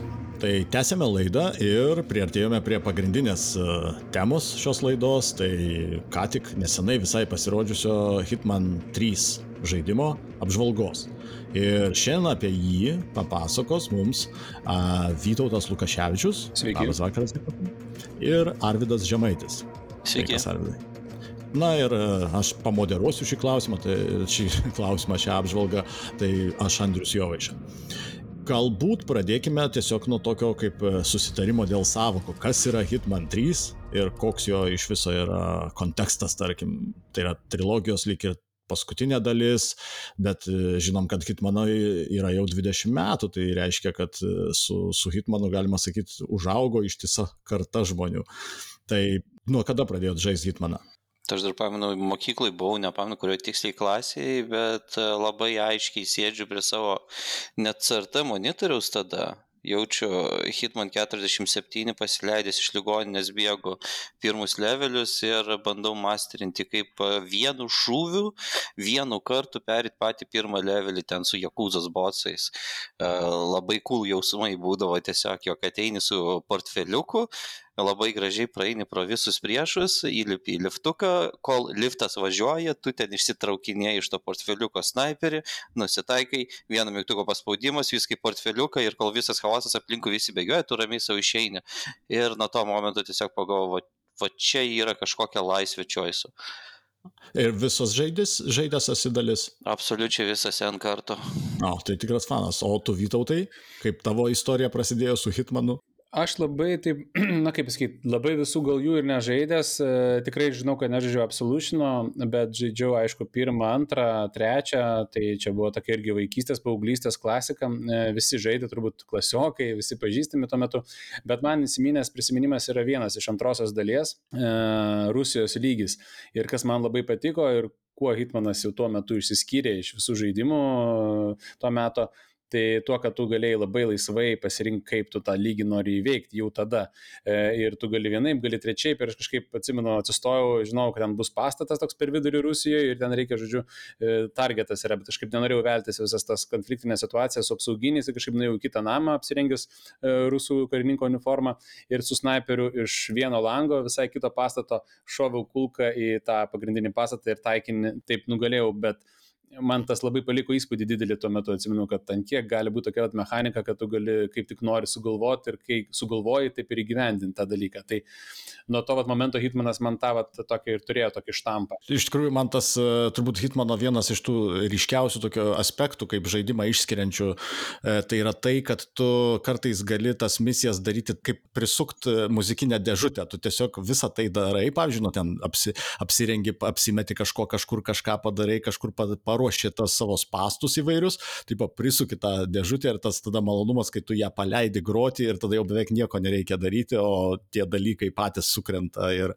ir nužudo tavo auką. Uh, nu jo, čia bet čia aišku tobulas toks žaidimas dažniausiai būna, dažniausiai tai nervai net laiko ir, ir tada raunėsi su, Nu, paskutiniai trys hitmanai dabartiniai, tai jie turi challenges įrašę, kurie vadinasi Silent Assassin, tai reiktų Taip. visiškai nepastebimai savo targetus e, nukilinti, pašalinti ir pačiam dykti, bet yra dar pasunkintas variantas Silent Assassin Suit Only. Tai nepersirengus su klasikiniu kostiumu visą tai padaryti, kas yra Mhm. ekstra, ekstra sunku. Kad e, atrodytų, kad tai iš tikrųjų nelaimingas atsitikimas, ne? Kad Tam, gautųsi tavęs ten net nebuvo. Taip, Niekur taip. nebuvo, niekas nebuvo knocked out, jokio tų kostiumų nepersirengiai, jokių tų ekstra daiktų nepaėmiai, kūnai nerasti, tiesiog dingo targetai, tavęs net nebūna, vaiduoklis tiesiog. Aha. Da, gal grįžkime dabar prie, prie pačio Hitmano trečio. Jis yra, kaip suprantu, trečias, bet iš esmės tai nėra tokia pilna trečia dalis, nes jis, jinai tarsi atgula kaip į vieną didelį siužetą, kuris trunka per pirmą, antrą ir trečią dalį. Tai galbūt galėtumėt e, kažkuris gal Vytautas papasakot šiek tiek trumpai tą pačią e, Hitmano serijos, e, gal tokią santrauką, istoriją. Jo, aš tik galiu užsiminti, kad Hitman 3 dabar yra aštuntasis Hitmano žaidimas. Mhm, per 20 metų 8 žaidimai. Taip, nu, nuo neblogai. 2000-ųjų. O čia Arvidai, tu įskaičiuoji tokį, tokį Hitman Go į šitą. Ne, ne, prasideda Tai pešiojimas. būtų Codename Cam 7, Silent Assassinas, Contracts, Blood Money, uh, Absolutionas, Hitman, Hitman 2, Hitman 3. Ir jeigu Taip. Hitman Go, tai dar 8,5 tada. Nu, Jo, Hitman Go. Tai dar galima iš vis įrašyti apie, apie antram Hitman ir pirmam Hitmanė pasirodžiusi tą sniper maudą. Man mm. Tas kaip atskiras gėjimas paitų. Paitų labai. Aš manau, jie ir bandė daryti kaip atskirą. Nesmė. Pratęsk vytautai. Aš galiu daugiau papasakoti apie šitus naujus tris hitmanus e, su ta mintim, kad, e, na, aš manau, kad nemažai yra painiavos, nes e, dabar tas trečias išėjo su fanfarom, labai geri reviewsai pagrindė yra jo ir, na, žmonės pradeda gilintis arba atkreipia dėmesį ir vat, nemažai klausimų su- sulaukiu iš pažįstamų, o tai palo, tai kaip čia yra, tai čia pabaiga, ar čia pradžia, o tai aš gausiu kitus hitmanus, jeigu žaisiu. Tai žodžiu, yra taip, kad 16 metais, jeigu neklystu, sukūrė tą vat, pirmą šitos trilogijos atskiros naujosios Hitmaną. Ir e, ten tas kūrimas irgi buvo toks bumpy road, nes jie bandė daryti epizodiškai, nes epizodiškai tuo metu darė visi viską. E, Life is Strange, e, pradėjo ten tą madą Walking Deadas, Telltale'sų ir, ir daug kas bandė ten tuo metu daryti epizodiškai ir šitie kuriejai taip pat tą darė. Tai čia paaiškinti reikėtų, kad gal, kad e, tiesiog jie norėjo daryti ne pilną žaidimą, o tiesiog išleisti pirmąjį epizodą ir paskui pildyti vis kitus epizodus kaip serijos gauti. Toks Netflixas, Netflixo Jo. serialas Hitman pavadinimu. Ir visai buvo nebloga gal idėja, ypač tiem, nu, suprasta tie, kas jau žaidė jį, dėl, dėl to, kad e, tas vienas lygis, pavyzdžiui, kur išėjo epizodas, tai yra vienas lygis, e, pavyzdžiui, pirmas buvo Paryžiuje. Tai tas lygis, nu, realiai nesumeluosiu, galima ir šešias valandas žaisti, nes ten tikrai labai buvo daug kelių įvairių, kaip tu gali jį įveikti, labai daug scenarių. Ir čia atsirado tas dalykas, kur Hitmanus šitus naujus išskyrė iš senų gal, nes tu įsijungi ir e, tave, galima sakyti, laiko už rankos, jeigu tu to nori. Ta, tu eini į meniu ir tau sufleruoja, kokie galimi scenarijai, kuriuos tu rutuliodamas kaip tokias siužetinės misijas gali, e, gali pereiti, žodžiu, tą lygį pagal kažkokius kontūrus nustatytus. Ir tada tenais e, vie- viena, viena ta linija siužetinė nuveda tave ten, tarkim, prie targeto nužudimo ten su liustra ar su kažkuo, kitas e, priveda dar kitaip ir dar kitaip ir taip toliau. Tai va tą pradėjo jie. Ir po to e, kūrė tos epizodus vieną po kito, na, bet buvo painų iš tikrųjų. Paskui padarė jau antrą Hitmaną šitos trilogijos, tai jis jau buvo pilnas visumoje išleistas. Ir dabar kalbant grinai tik apie trečią šitą, kur tik ką išėjo neseniai, tai aš negi nesakyčiau, kad jis yra kaip mm, atskiras žaidimas, jis labiau toks kaip viso šitos trilogijos viena didelė pabaiga. Nes kai tu jau jį pradedi siužetiškai, tas siužetas būna labai užkilęs į viršų, ten jau būna visokių revelationų padaryta, pasakyta ir visos misijos, na, jos tokios labai uh, high stakes ir ten tokia viena misija yra Berlyne, tai jinai vos ne kaip pagal savo įtampą, pagal sumanimą ir viską vos ne kaip finalinę gali. Iš esmės, vat, pavyzdžiui, šitą vat, išgirdus, ar žmogus nusipirkęs tik trečią Hitmaną ir be pirmojo ir antrojo se, e, nu, dalių misijų, ar jis supras, ką žaidžia, ar galima rekomenduoti? Istorijos nesupras tikrai. Jo, jo, aš pritariu, aš greit pabaigsiu, Arvidai. E, Nesupras tikrai istorijos, niekaip gali žaisti tiesiog tos lygius, bet ir tie lygiai netgi nu, gali atrodyti keisti, nes, nu, jie, kaip ir sakiau, jau yra labai e, pagal dramatišką, pagal viską tą logiką užkelti. Tai bet kokiu atveju, kai nusipirki Hitmaną trečią, tau pats žaidimas siūlo, kad davai įsimesk pirmą Hitmaną ir antrą, tai yra tų abiejų lygius tiesiai į trečią. Ir jau jie būna su geresnė ten grafika, aš nežinau, tiksliai, ne, bijau sumeluoti, nesakysiu, ką jie ten tiksliai pagerino, bet jie tikrai pagerinti ir jau patobulinti grafiškai, vizualiai. Tai gali pirmo Hitmano šitos trilogijos ir antro įsimest lygius į trečią. Gali iš karto iš meniu Hitmano trečio tą daryti, gali atskirai, o pavyzdžiui, mano atveju, kadangi aš turėjau ir pirmą, ir antrą, man tiesiog nemokamai pasiūlė tą upgrade, tik reikia turėti įsinstaliavus ir pirmą, ir antrą. Tada suinstaliuoji, nueini į meniu pirmo ir antro, pasidaro tau tokie pečai, tos pečius susimeti, žodžiu, ir gali trečiam atsirakinti. Netgi tas trečias jis jau būna su visais lygiais, tiesiog jie būna užrakinti. Tai yra pirmo ir antro hitmano. Būna užrakinti. Okay. Ah. Tai va, kai tu susimeti tos pečius, čia bent jau aš kalbu, kai buvo ant PlayStation 5, tai kai susimeti tos pečius, tau tiesiog visus lygius atidaro ir ten labai aiškiai matai visą tą, na, timeline ir gali žaisti nuo pirmo, nuo pirmo hitmano, pirmo lygio, tai treningas ir po to Paryžius ir visi, visi lygiai, tai gali visą tą istoriją gražiai žaisti jau tiesiog trečiame hitmane. Tai jie tiesiog padarė tokią galimybę, kad tie, kas fanai ir ilgalaikiai, gali tiesiog hitmanam trečiam turėti visą tą World Assassination trilogiją ir ją žaisti kaip vieną didelį žaidimą. Ir antram buvo toks pats tokia galimybė, ne, Arvidai? E, jo, tu antrą, antrą kai įsigyji, pasileidai antrą ir iš karto jau ten rodo visą tą, tą patį timeline nuo uh, training facility ICA, pačio pirmo levelio, kuris pirmam hitmane buvo. Nu, bet aišku, ten upgrade jokių nesiūlė, bet suranda ten Steam tą momentą momentu buvau nusipirkęs, suranda, jog pas tai yra Hitmanas pirmas nupirktas, tu nusipirkai antrą ir va gali pasileisti. Aišku, pirmą Hitmaną paleidus negalėsi antro Hitmano levelių žaisti. O trečiam irgi tas pats, va, kaip papasakoja, įsijungi trečią Hitmaną ir rodo visą, visą timeline. Ir aišku, recommendationai, tu gali ten pasirinkti bet kokią lokaciją, ten USA, kokį nors Miami, va tą Berliną ir rašys ten apačioj, tarkim, tu gali paleisti, playinti, bet we recommend you play this, this mission before kad tiesiog suvokti, kas vyksta, o tai šiaip nonsensical ten iš vietos į vietą bėgioti. Mm, čia labai man šitas įdomus yra formos, na, iš tikrųjų toks, sakau, Netflixo sezono, sezonų tas toks e, dvelgtelėjimas labai fainas, ta prasme, kad realiai tu kaip, kaip detektyvinį serialą vos jį nusipirkė. Bet jis jau žinau, Andriu baigės, man atrodo, kad nepasiteisino. Aš dabar kiek žiūriu, nei vieno daugiau nėra žaidimo per pastarosius penkis metus e, tokio pasiteisinusio ar, ar aktyvaus, kuris būtų epizodinis. Kad tokiu modeliu eitų, nu jo. Mm -hmm. Man atrodo, kad tas modelis bent jau žaidimų, kuriem turbūt neįtin pasiteisino. Čia aš manau tiesiog glorified early access vadinasi. Ne, neturi pažymėjimo early access, bet vis tiek realiai kaip early access atrytinė. Tai štai nupirko full price tavo gėjimą, o tu kontentą dar tik kūrinėjai. nu, taip, taip, taip. Iš tikrųjų, kurie IO Interactive jie panašiai ir kalbėjo, kai pasakojo NoClip dokumentikoje apie savo, savo gaudas, kuriant šitą trilogiją. Tai dabar galbūt e, kiekvienas iš jūsų galite šiek tiek papasakot, kas jums labiausiai patinka pačiame žaisme ar siužete ir, ir, ką, ir ką, kas, pavyzdžiui, nelabai patinka, nes kaip suprantu, nors esate abu neblogi fanai, bet ir, ir, ir yra ir gerų dalykų, kuriuos norėtumėte išvardinti, bet ir nelabai galbūt patinkančių dalykų. Arvidai, gal tu? Na, aš galiu gana greitai tokį summary padaryti. Žinoma, didelis pliusas tai tie, kurie yra fanai E, viso Hitmano, tai gavo naują krūvelę lygių, pasaulių, misijų, kurie savo turi visą krūvą iššūkių, kurios galima sėdėti akis varvinant, tiesiog savaitėmis bandyti pasiekti ant šimto procento.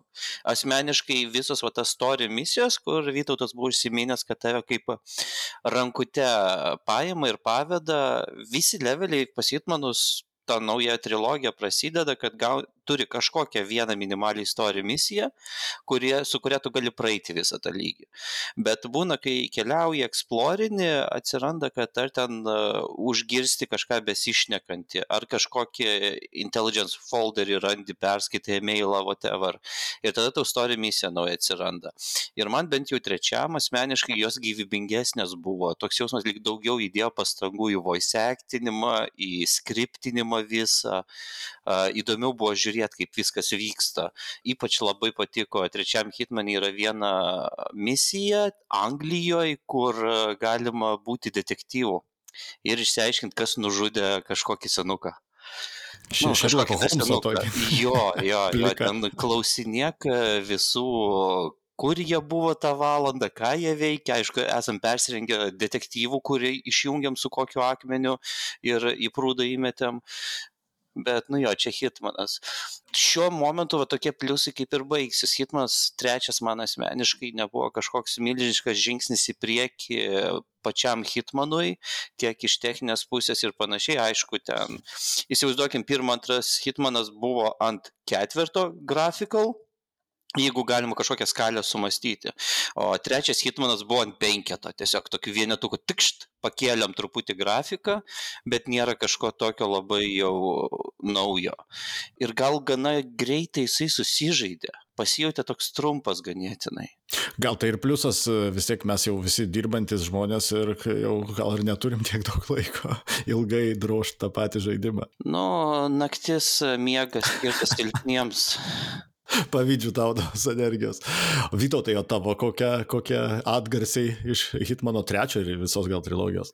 Trilogijos, tai, na, man, aš galiu tai pasakyti, kad man šitą trilogiją labai patiko, tikrai nuoširdžiai, bet e, patiko galbūt ne dėl tų pačių priežasčių, dėl kurių patiko pirmieji Hitmanai vaikystėje, paauglystėje, nes, na, jie buvo tokie labiau grounded, sakyčiau, atsiprašau, kad vartoju angliškus žodžius, bet nėra mm -hmm. lietuviško atitikmens, tai e, man tokie jie buvo. Šitie naujieji Hitmanai, jie jau savo tą tematiką, savo tokių kažkokių prieimų daugiau eina į tokį, na negaliu sakyti humorą, bet tas prieimas yra šiek tiek lengvesnis tikrai ir jis toks daugiau galbūt žaismingesnis vietomis taip toliau. Bet jie nu, atnešė visai kitą dalyką, tokį tą visiškai sandboxą, e, kaip pat, pavyzdžiui, GTA žaidimai yra žinomi dėl savo milžiniško pasaulio, tu ten gali daryti, mm. ką nori realiai. Tai Hitmano e, šitie žaidimai yra kaip sandboxas būtent e, va, tam va. Eksperimentavimui. Jo, eksperimentavimui ir būtent tam assassination, assassination tam pasauliu pasaulyje. E, dėl to, kad um, tikrai tai yra kaip mini, mini pasauliai kiekvienas lygis. Ir e, kas va žaidžia nuo pirmo Hitmano šitos naujos trilogijos, e, žino, kad ten, pavyzdžiui, Paryžiui lygis, ten arba Italijoje išgalvota mieste, nu tiesiog nuostabus lygiai. Tu ten matai uh, ant tiek, kad kurta tie žmonės, visi vaikšto, tu gali sekti, žiūrėti, kas ten kas skaito laikraštį ir taip toliau. Ir po to žaisti tą lygį iš naujo ir visai kitų kelių viską padaryti. Tai tas per žaidžiamumo prasme yra neįsiemiamas lobynas. Tikrai gali ten varyti tos challenges, jų yra labai labai, labai, labai daug. Tai va, o bet man kalbant apie trečią Hitmaną labiausiai patiko gal, na, tas, ta drąsa, aš sutinku su Arvidu, kad jo, iš esmės, jeigu lygint visus šitus Hitmanus, tai tikrai nėra labai didelio žingsnio į priekį, bet tiem, kas jau įsižaidė, tai yra vis tiek fainai žaisti toliau, dar daugiau gauni lygių pasiksperimentavimui, bet man labai patiko drąsa e, eksperimentuoti jau toliau su pačiais tais lygiais. Jeigu, pavyzdžiui, pirmam Hitmane naujos trilogijos buvo tiesiog, pavyzdžiui, Paryžius ir labai daug galimybių, kaip ten tu įveiksi viską, gali net podiumų prasėjti. Tai čia, pavyzdžiui, jau jie freimina truputėlį daro tokį, nu, kažkaip forsuoja siužetą kažkokį tai ant tavęs, nu, kaip ir, pavyzdžiui, kaip Aradas minėjo, Anglijos lygiai, kur tu gali būti detektyvų, čia yra nematyta, negirdėta, kad tu ateini nužudyti taikinio, pats tampi detektyvų ir dar aiškiniesi žmogžudystę, bet man visiškas toks, kaip sakyti, pinnacle e, visos šitos trilogijos tai yra Berlyno lygis, aš čia per daug nespoilinsiu, bet pasakysiu tą, kad turbūt jau daug kas visur rašė internete, galima pasiskaityti, e, kur Hitmanas ateina į mapą ir ten yra daug Hitmanų, kurie jį medžioja ir tu nieko nežinai, tau jokių targetų nėra, jokių story misijų nėra, tiesiog tu turi gaudytis aplinkoje ir misija vadinasi labai jokingai e, šitam kontekste Apex Predator, tai grinai tu gauni pajausti tą, vat, e, na, tokį ro jau tikrai hitmaniškumą, kur daug visko vyksta, ten Reivas, e, Berlynas, naktis ir tiesiog gaudai ir ten tiek daug galimybių viską padaryti, apsukti, kaip tau patinka, nu, tarsi labai faina. Ir žiūriu, netgi YouTube yra mm, visokiausių praėjimų, kaip kiti žmonės filmuoja, kai ten ateina per pusę minutės sugeba viską pravalyti, padaryti ir taip toliau. Nes kai buvom vaikystėje, paauglystėje, tai nebūdavo YouTube'ai tokių video arba tenais, atsimenu, draugas tik tai pasikvietė pas save, kai pirmą hitmaną žaidė, sako, labai geras žaidimas, aš sakau, ten sėlinti reikia, sako, ne, ne, ten nesėlinti ir rodo, kaip jisai varo ir visus kalą į galvą headshotais, sako, labai geras žaidimas, paspartė. tai, tai šaudiklė pasidarė. Jo, jo, bet jis taip labai ceseris buvo, tai jis taip pat kalės, taip clean, clean, visus sako labai fainai, tai tada supratau, kad tikrai galima labai skirtingais kampais žaisti. Tai man vat, šitam hitmenė tas patinka, kad tikrai tą galima daryti, plus kuriejai dar tikrai eksperimentavo su lygiais. Tai iš tokių eksperimentinių, iš visų šešių gal tik tai šitie du, Anglija ir Berlynas, kiti paprastesni. Ir dar, nu, paskutinis dalykas, kas patiko, kad vietomis, kadangi jau, kaip žinia, šitie kuriejai IO Interactive kūrė naują Jameso Bondo žaidimą, aš vietomis sugebėjau pajausti, e, vienas lygis yra ten tokioje vynoginė plantacijoje, didžiuliam vakarėlėje, sugebėjau pajausti, kad nu, aš tikrai įsivaizduoju, kaip vat, IO Interactive kurs Jameso Bondo žaidimą, būtent iš to Hitmano trečio pražaidės, nes tikrai yra tam tikrų užuomasgų, tam tikrų vat, momentų, kur gali pagalvoti, aha, va, jie tikrai gerai padarytų būtent Jameso Bondo žaidimą, tai tikrai labai nekantru ir laukiu. Iš esmės pačias IO Interactive ir neneigia, kad e, Hitmano e, patys pagrindai yra pasisemti iš esmės jo ir iš, ir iš Bondo serijų, ir iš e, truputėlį ramesnių, tokių tų nuobodesnių serijų, kaip tas Tinker Soldier Spy ir kaip ten. Tinker Taylor Soldier Spy. Taip pat. Ir, ir, ir iš 70-ųjų metų filmų su šituo britų aktoriumi, kuris vaidino Batmano padėjėją. 70 metais va, tas Free Days of Condor buvo tokia, daug buvo labai tokių politinių trilerių, kurie iš esmės e, matosi jų tam tikras e, braižas Hitmane. Na, nu, o, vat, pavyzdžiui, kam rekomenduotumėt ir kaip apginti Hitmaną prieš žmonės sakančius, kad tai yra, nu, sandboxas sandboxų, bet tai vis tiek tai yra žmonių žudimo simulatorius. Dėl rekomendacijų tai yra va toks dalykas, kai Vytautas minėjo, kad jam levelis idealiausias buvo trečiam hitminė, tas Apex Predator Berlyne, tai aš man iš karto kilo tokia mintis, ne tai kad mintis, bet iš karto aps, apšvietimas galvos. Aš suvokiau, kad Hitmano šita trilogija į visą pastatyta yra taip idealiai, kad ji tiktų bet kam.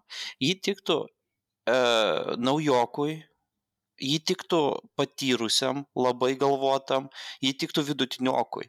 Jisai turi tiek daug difficulty levelio pasirinkimų, nu, realiai trys yra, bet jie visi skirtingi absoliučiai. Ir jų pačių level dizainas ir sukurtas, būtent tas Apex Predator, iš viso tų hitmanų, kurie tave medžioja, yra dešimt.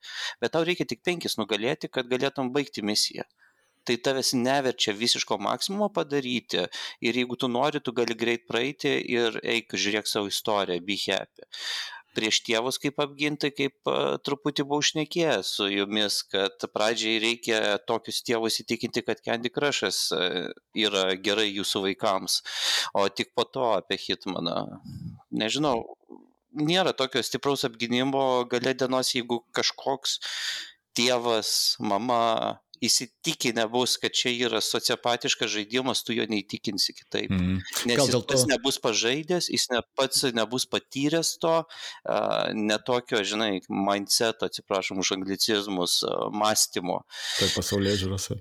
Jo, jo, jo. Ir galbūt dėl to IO Interactive iš tikrųjų ir pasirinko eiti į tą vat, Vytauto minėtą žaismingumą, į tokią tanginčyk, na, aš pats irgi anglicizmus užsiminėjau, tas vat, su tokia šipsenėlė Hitmanas patapo naujoje toje trilogijoje, jau jis nebe, nebėra tas rimtas toks niurus žudikas, jis toks kaip ir parodija čiūčiu. Mm, jisai lieka toliau savas, bet gal jis labiau kandus tampa. Taip, taip. Galima sakyti.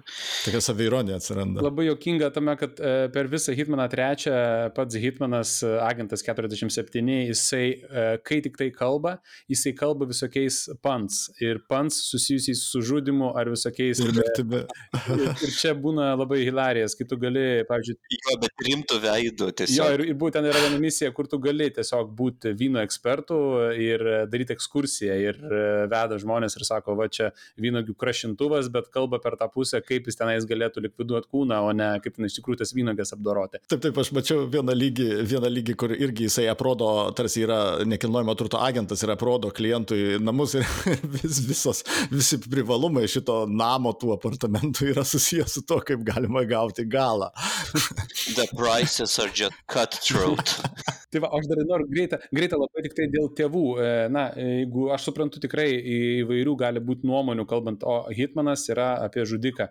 Bet iš esmės, na, kad truputėlį tos dalykus paaiškinti, tai kaip ir bebūtų, čia vis tiek yra, e, na, žaidimas ir, pavyzdžiui, kaip ir Bondas yra filmas, fikcija, tai čia vis tiek visi tie priešai, kuriuos tu nori, turi sumedžioti, tai jie yra, na, blogiečiai ir jie tikrai yra pavaizduojami kaip blogiečiai, na, ir tau pasako, kad jie yra blogi ir taip toliau, tai kaip per Bondą pasako, kad va ten tas blogietis blogas ir jis turi galą gauti, tai visiems, o, labai gerai ir laukiu, kada tas Bondas ten jį sutvarkys, žodžiu, čia ok, bet kai tą patį Hitmanas daro ir visiškai praktiškai labai panašiam stiliuje iš esmės, tai tada, vat, ne.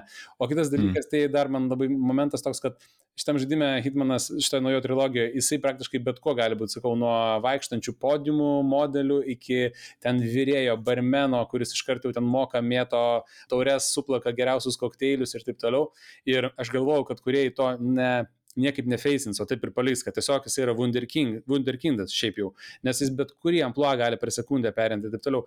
Ir šitam žaidime vis dėlto jie feisina tą ir m, kitas veikėjas sako Hitmanui, kad sako, bet tu kažkaip viską labai gerai moki, viską labai gerai čia sugebi ir jis atsako, I dabble. Tai man tas labai įstrigo ir labai toks įsimintinas irgi momentas buvo. O dabar galim pašnekėti daugiau apie patį Hitmaną, nes vis tiek, man atrodo, liko jums dar ne, nepaliestų vietų, kurias norėtumėt papasakoti. Iš esmės, va, pavyzdžiui, e, Hitmano dirbtinis intelektas, e, jis yra protingas ar jis nėra protingas. Nes aš kaip suprantu, jis ten gali labai dvilypai naudoti, nu, interpretuoti jį. Nes jie ganėtinai gerai sekioja paskui tave, tu gali juos ten su, su kokiu nors, nežinau, įėjęs su, su, su burgeriu, pavyzdžiui, nukalt ir, ir, ir pasimti jų drabužius.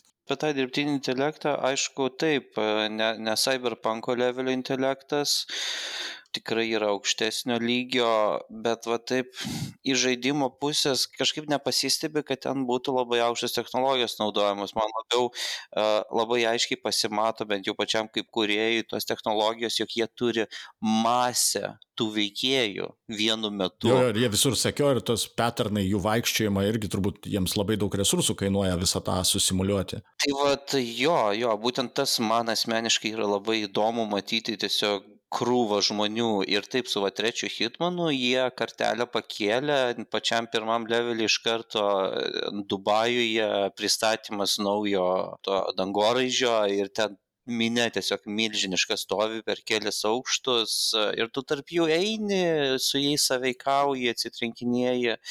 Bet taip, aišku, mhm. jie yra nepilni veikėjai, ten labai technologiškai kažkaip išmastyta yra, bet jie užpildo, jie animuoti, jie apčiuopiami, o pats tas, kaip sakiau, dirbtinis intelektas man nelabai ne pasistebėjo, kad būtų ypač kažkoks ypatingas, arba gal aš tiesiog jau esu, esu pripratęs prie to modernaus intelekto, nes aš Red Dead Redemption labai daug išžaidęs, o ten mes žinom, kad jų dirbtinis intelektas labai stiprus yra.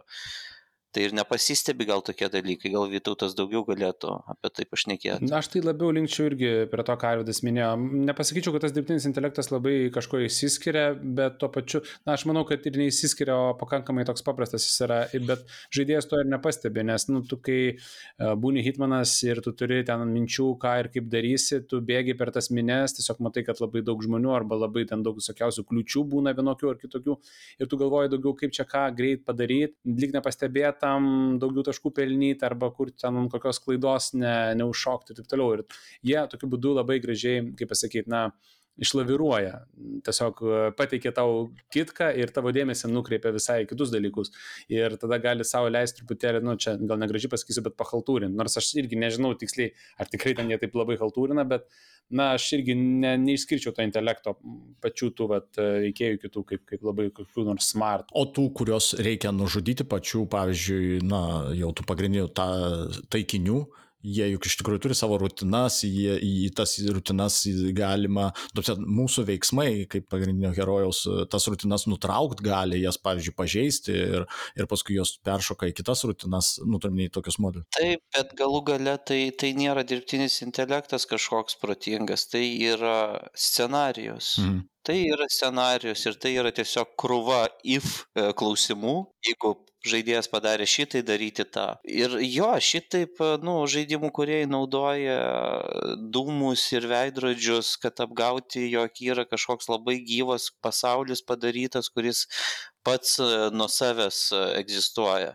Bet iš tikrųjų ne, buvo, pavyzdžiui, irgi vienas momentas, um, norėjau challenge vykdyti reikia tam tikrą veikėją su tam tikru daiktu, nu, mm. išjungti, taip sakant.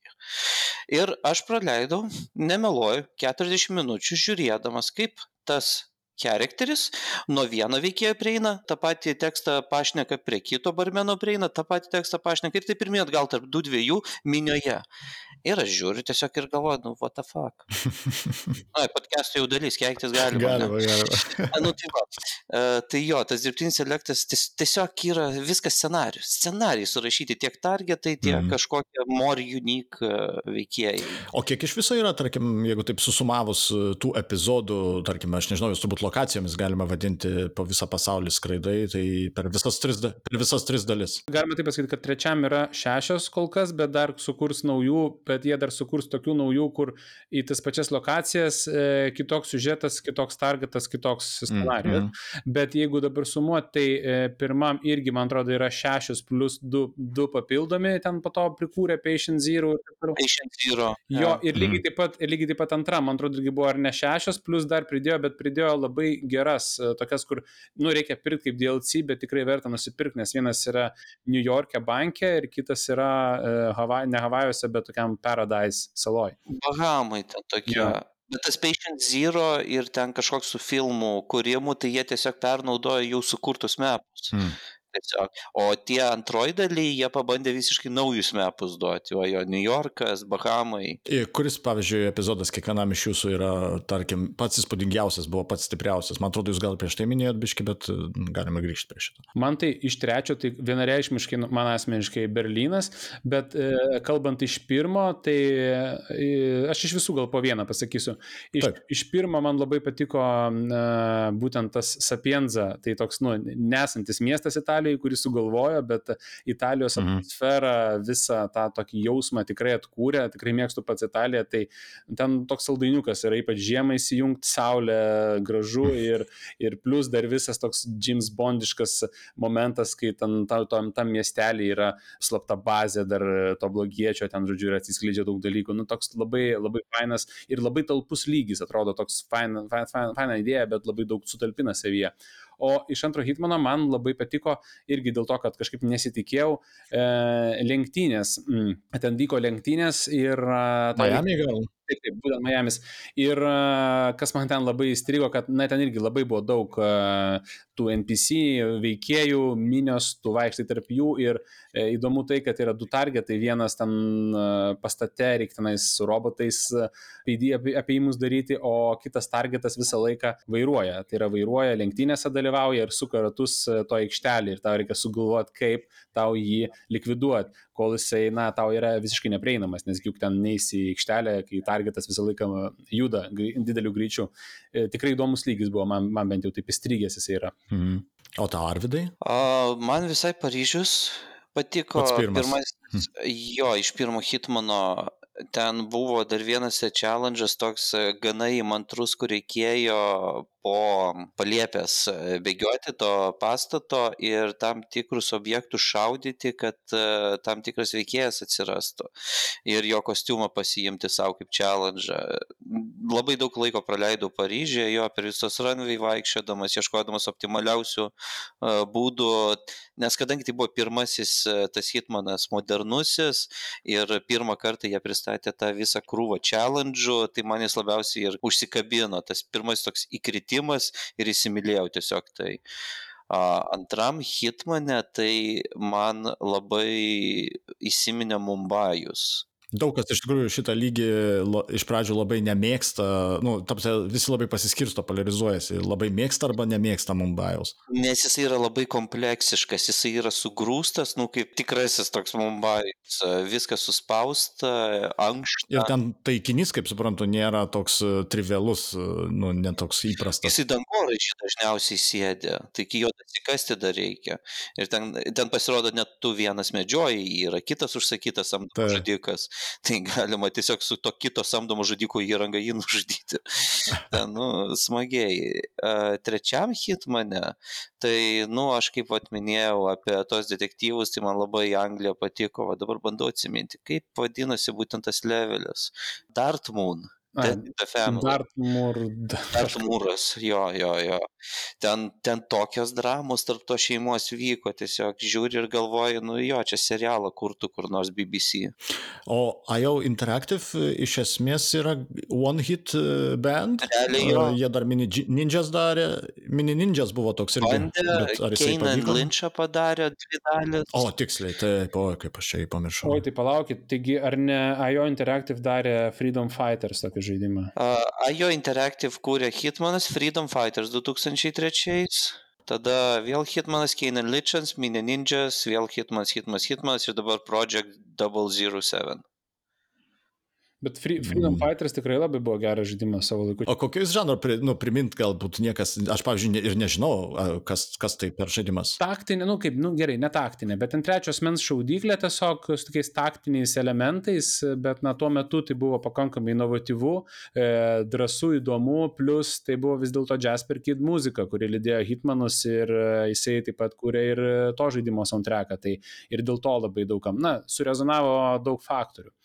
Bet Mm. nepasiteisino, bet kažkaip girdėjau, kad ten norėjo lyg ir antrą dalį. kurt, Ketvirtais kažkur taip metais e, buvo pranešę, jog e, sequelą kurs, e, kad 2005 bus paleistas distributionas ir tada kažkas nutiko ir Keinan Lynchą pradėjo daryti.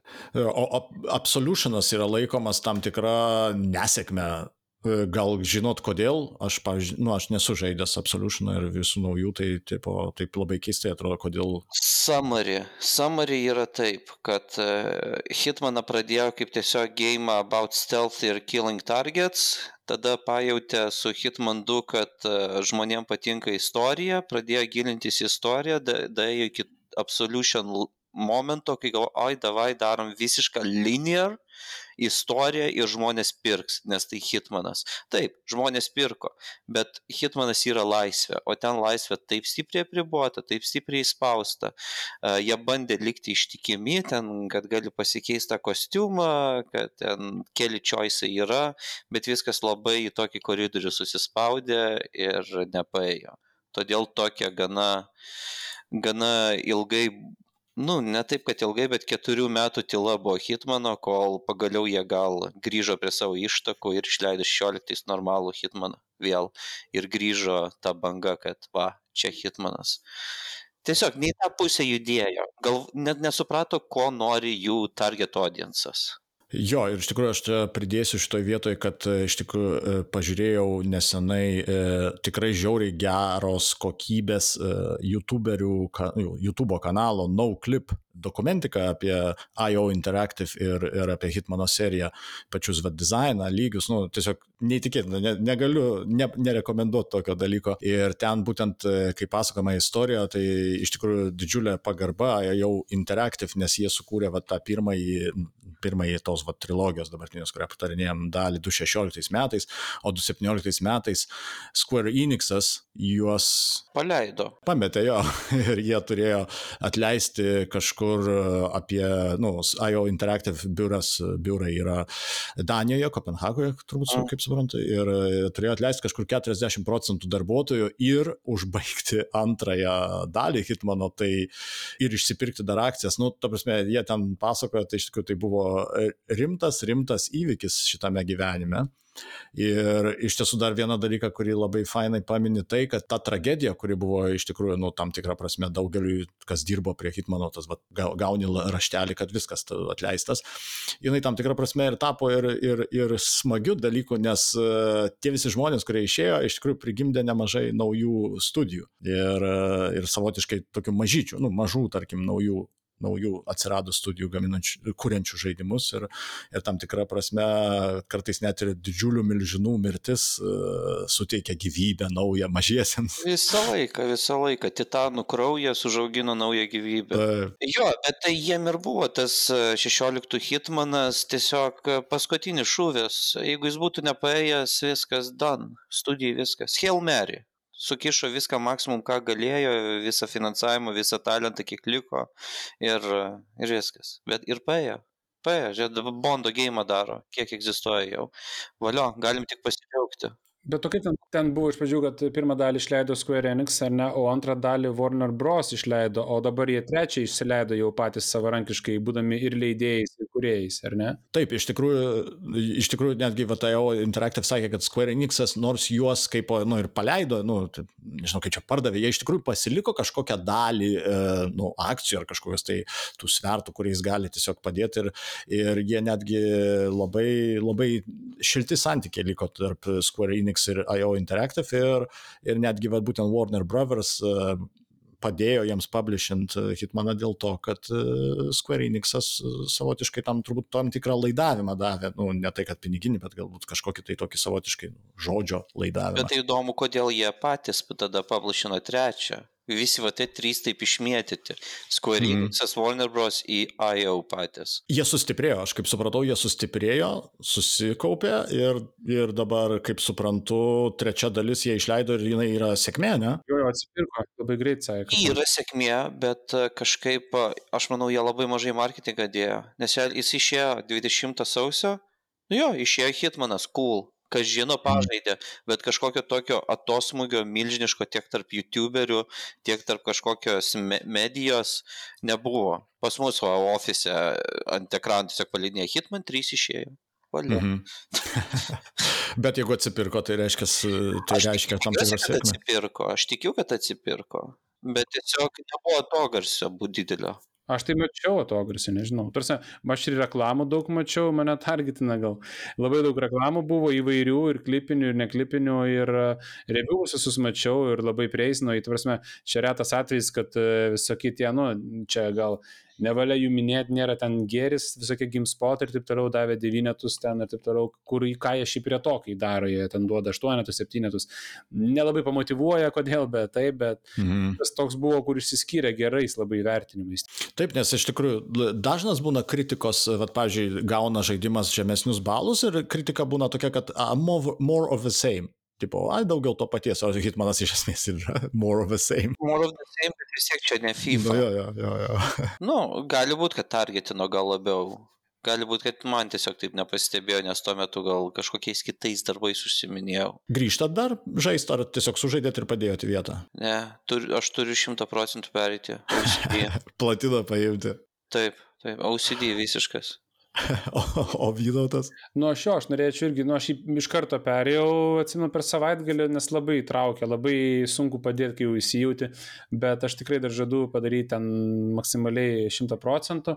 Kita vertus, labai daug tų žaidimų dabar va, jau kitais užsiemu. Little Nightmares, East 9 tokie, žodžiu, tai sunku, sunku labai likti. Taip, taip, sunki ta žaidimo apžvalgininko duona, reikia žaisti ir žaisti. Jo, jo, yra, yra. o e, kaip jūs, pavyzdžiui, žiūrite į tą Agent 007, e, kaip manot, pavyks jo Interactive? Geresniem kuriejam e, su geresniu track record, taip sakant, negalėjo rasti, kam šitą IP duoti. Aš, aš laukiu. Aš, mhm. laukiu. aš nesu pats Bondo fanas, bet e, čia toks, žinai, susiliejimas dviejų, uh, dviejų dalykų. Tai tie, kurie Hitmaną kūrė ir Bondas kaip uh, veikėjas, pakeisti 47 Bondų ir įkišti tos kokius 80s, 90s Goldfingerio laikus. Tai čia tiesiog pasaka būtų. Jo, iš esmės jis turi visą mechaniką išskyrus uh, siužetą ir galbūt personažo gyvumą kažkokį, tu prasme, tarp, nu. Taip, tai kad labiau išaiškingesnis, ten pašnekėtų irgi panaistais uh, Bond, James Bond, mix, not stirred, yeah. Tik klausimas dabar, uh, ir, nu ir aišku, žinoma, ir, ir, ir reikėtų, čia va, dabar jau labai seksistiškai gali nuskambėti, bet reikia ir moterų, įdomu, va, tarp bus jų. O tai kaip tas uh, Bond Bondo filmas, uh, jau, jau patvirtintas, kad bus su moteris?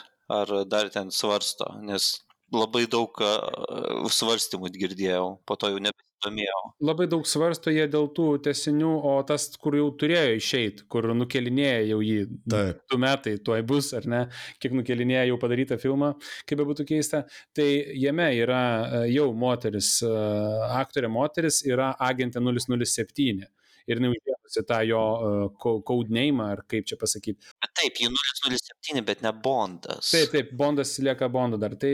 Taip, taip, bet aš, aš kalbu apie tai, kad, tausia, kad Bondo filmuose visuose dažniausiai objek, e, moteris būdavo objektivizuojamas. Jos būdavo tokios tiesiog gražus papuošalai, su kuriais galima permėgoti ir jos, nu, maksimum, kas ten galbūt kokia šiek tiek blogietė agentė būdavo. Ir dabar jau pasikeitė laikai ir savotiškai jau tarsi tai taip, tokiu kaip objektų tų moterų jau negali vaizduoti, nu, tai nėra labai priimtina ir vad įdomu, kaip jie pasuks šitą dalyką, ypač žaidime. Čia yra slidus reikalas ir, ir jie labai atsargiai, manau, tikrai šitą apgalvos, nes ta daly, e, moteris yra Bondo irgi. 30 procentų Bondo visų filmų yra moteris. Taip. Ir žaidimą to neįdėti būtų blogai, bet to pačiu visi aiškiai suprantam, netinkamai įdėsi, gausi per galvą su šlapia žuvim. Bet aš manau, kad jie jau labai teisingai viską daro, nes e, jau gal skaitėt, gal ne, kai kalbėjosi su jais apie tą Bondą jau keli nekantriausi žurnalistai ir jie sakė, kad jie nerems savo, na, prasme, jų Bondas kūriamas personažas, čia yra pirmas kompiuterinis žaidimas, kurio atvaizdas Bondo nėra paremtas nei vienu aktoriu. Tai bus visiškai naujas atvaizdas agento paties. Ir kitas momentas, ką jie sako, kad tai bus uh, jaunas Bondas, nebus uh, patyręs, jau kur mes filmuose įpratę matyti, kai jau būna jau patirties išvagoto veido ir taip toliau. O, o jau jisai... Jo, šlapios žuvies išvagoto veido. Jo, šlapios žuvies, o čia dar bus dar tik tai ta pati gal pradžia arba bent jau ankstyvieji metai jo, tai, tai kiek aš supratau. Tai... Nu tai jie, jie kūrė savo lapą atplėšinėje, tai va gal moterų nereikės įdėti, nes jis bus nepatyrę. Ne, ne, šiaip iš esmės sprendimas galėtų būti, tarkim, moteriams davus pakankamai stiprias rolės kaip kitos agentės, pavyzdžiui, kurios iš tikrųjų nu, lemia kažką sužete pačiame ir tada savotiškai nu, ne, negali kaltinti, kad tai yra objektivizavimas. Dar norit kažką pasakyti, ko iš tikrųjų nei paklausiau, nei, nei, nei, nei buvo atėję į mūsų kalbą apie Hitmaną? Ką aš noriu pasakyti, kad kas nors išgirstų pasaulyje, kad HBO sukurkite apie 47 serialą. Prašau, nes e, filmai tai tragedija buvo. Jo, jo, labai. Aš tai, Andriu, norėjau tavęs paklausti, kokį prisiminimą tu pats dar turi iš savo asmeninės patirties su Hitmanu. Jo, aš pirmą Hitmaną kažkur 2000-aisiais žaidžiau ir man e, vienas turbūt smagiausių lygių buvo, aš nesu tikras, turbūt iš pirmo, o gal ir iš antro, žinai, jau, jau tas amžius jau tas viskas susilieja atmintyje. Tai e, Pietų Amerikoje, ta prasme, kažkur ten buvo su kažkokiu tai narkotikų dileriu ir ten reikėjo tose džiunglėse slampinėti aplink aplink bazę ir bandyti, nu, tą Pablo Escobaro tipo veikėją nuimti. Ir man šitas žiauriai yra užstrigęs, ir, nes tai buvo pirmą kartą, kai, kai žaidime turbūt galbūt buvau džiunglės ir tas džiunglių, tas toks gaivumas, gyvumas, jis paskui man antrą kartą tik tai pasikartojo jau žaidžiant Far Cry'ų pirmą. Čia nebuvo ta misija, kur buvo, aš manau, per visą Hitmano istoriją tik toje misijoje, kur tu turėjai ne žmogų kaip targetą kažkokį A. pumą ar ten, žinai. Jo, kažkas tokio irgi buvo, ar ten buvo atsaita. Mhm. Gali būti. Ten aborigenų buvo dar irgi, nes su ginklai su jėti vietoj tą Jo, jo. Šiaip su Hitmanu pas mane yra tas dalykas, kad kažkaip šia, vat, jūsų dabar, kai klausiau, tai liktai ir gimė mintis man, kad aš visgi norėsiu jį pažaisti, nes su Hitmanu man baisiausia buvo, čia kažkada buvo, man atrodo, įsijungęs kažkuria dalį e, ir mane tiesiog e, užgriūna visos tos galimybės ir aš nepajudu iš mirties, iš pradžios taško, nes tiesiog, o čia ir taip galima, ir taip, o kaip geriausia padaryti, ir tada galiausiai ja, išsidegėti žaidimą, nežaidti. To, kaip suprantu, šiek tiek e, yra daugiau tokiems va, tėvukams, daugiau tokios pagalbos, tokios užrankytės pavedimo, parodymo, kad va, galima taip padaryti, galima ir taip padaryti. Jo, šitie trys tikrai to aspektų padės su story missions. Ir jie vis nu, atsiranda, kuo, toliau, kuo daugiau žaidži, vis daugiau tų story missions tau popina, tipo, paspaud mm. F1, to follow story. Ir viskas, ir ta prasme, tu tikslą pasieksi. Tu, jeigu norėsi tave tikrai rankutę palaikys ir nutems iki galo misijos ir tu laimėjai valio. Super. O po to, jeigu žinai užsikabini, jau pats sėdi ir mastai, ten jau challenge'us atsidaręs. Taip, taip, va, tas learning curve, tai, nu, mokymosi kreivės, jeigu kad nebūtų labai stabilus. Tai labai evoliucionavo, bet čia ne trečio nuopelnas, čia pirmo nuopilnas. Tai. O dar tokį liūdną momentą ar klausimą retorinį. Tai realiai dabar, ką mes kalbam, tai turbūt e, viskas labai ilgai nebekalbėsim apie Hitmaną. Čia toks kaip ir end of an era, nes vieninteliai, kas kūrė Hitmaną, tai buvo IO Interactive, čia jų yra vaikas e, iki šiol augintas ir jeigu jie mūvina prie Bondo, tai matyt, na bent jau penkiem metam, kokiem tikrai turbūt nebebus uh, nieko. Aš manau, jie mūvina prie Bondo su main teamu, bet vis tiek bus kažkoks skeleton crew pastatytas, kuris kontentą darys trečiam hitmanui, kaip ir antram pirmam darė. Bet taip, kažkokiu ten interesting arba big story plotu ar pratesimo visiškai to hitmano, kai kokio, tarkim, mokytojo, kuris mokina kitą kloną, ką žinau, nesąmonė šneku, tikrai nebus labai ilgai. Ir liūdna, ir neliūdna. Būtų liūdniau, jeigu būtų su trečiu hitmanu palikę tiesiog kažkokią, žinai, degantį dumpster fire, kuris nežaidžiamas ir nesuvokiamas. Mm. Bet jie istoriją užbaigė, jie visus klausimus atsakė ir viskas yra very satisfying ir galima žaisti kiek tik norim ateinančius x metų, kol išeis ką žinau, Hitman 4 arba Hitman 47 remastered su... Jo, ir kol platiną pasiims. jo. Aišku, liūdniausia būtų buvę, jeigu IO Interactive 2017 metais būtų ne, neišgyvenę, tada neturėtumėm nei antros dalies, nei trečios, ko gero, tai čia šaunuoliai danai. Klausimas ar liūdniausia. Nebūtume žinoję, ką praradom. Na taip, ir sutaupė laiko kitiems žaidimams. Bet alternatyvioje visatoje, žodžiu, mums pavydė dabar. nu, reikės WandaVisioną pažiūrėti, daugiau, kad pažin, sužinoti apie tas alternatyvės visatas, kur Hitmano nėra. Uh, tai ką, baigiam apžvalgos dalį apie Taip. Hitmaną trečią. Dėkojam Arvidui. Ačiū Jums. Ir Vytautui. Ačiū. Su jumis buvo Dievo režimas, aš Andrius Jovaiša ir perinam prie kitos skyriaus. Na ir laidos pabaigai dar trumpą tokį epizodėlį norime padaryti apie Sony PlayStation Plus kaip čia pasakyti, turbūt tokį servisą galima sakyti, nes praeitoje laidoje kalbėjome apie X, Microsoft Xbox Game Pass, tai tarsi Sony turi, galima sakyti, tokį tam tikrą atitikmenį šitos paslaugos ir e, truputėlį papasakosim, kaip jinai veikia, tiems, kas nežino, galbūt o tie, kas žino, tai turbūt gal priminsim jiems, kad vasario mėnesį yra labai neblogas žaidimų setas kurį galima parsisiųsti PS Plus prenumeratoriams. Tai yra, Vytautai, kokie žaidimai? Čia toks kvizas dabar, ar žinai? Aš net ir nežinau, nes mano nuomonė turbūt jie ir nėra labai geri, bet čia mano nuomonė. E, man atrodo, Control yra tiems, kas turi Taip. PlayStation 5, bet aš labai supikau, nes aš Control buvau nusipirkęs prieš tai ir, ir kažkaip taip, o idėja, žodžiu. Ir seivų negalima perkelti į penktą PlayStation, tai aš ir nesinaudosiu dabar tuo. Ne, čia ketvirtam, aš parsisiunčiau savo ketvirtam PlayStation Control, tai turbūt jo, jis yra turbūt bendras kitas tik tai yra, tik tai yra Atskiri, šitas. Aha. Penktam kažkas yra kažkoks kitas. Tik aš dar Andriu tave greit pataisysiu, kad, na, e, Game Pliusas Sony tai nėra atitikmo Game Passui, tai yra atitikmo Xbox Games with Gold. E, toks servisas yra pas Xbox, kur irgi kiekvieną mėnesį paleidžia po tris žaidimus atsisiųsti, taip nemokamai serviso turėtojim. Game Passas jau yra kažkas kito, na, ką jau vėliau padarė. Taip, taip. Pliusas buvo ilgą laiką ir Games with Gold buvo ilgą laiką. Games with Gold tebėra ir dabar, bet jis vis labiau darosi beprasmiškas, nes, nu, kai tu turi Game, mm. game Passą ir Game Pass yra Gears 5, pavyzdžiui, ir jie įdeda dabar, vat, į Games with Gold, Gers 5, tai mačiau daug mimų, kur juokėsi, sako, tai ką jūs juokaujat, nu, maždaug tą patį, tą patį per abu servisus. Tai va, o Game Plusas, jo, Game Plusas yra mm, servisas, kuris... PS Plusas, PS Plusas. Atsiprašau, jo, Game Plusas, jo.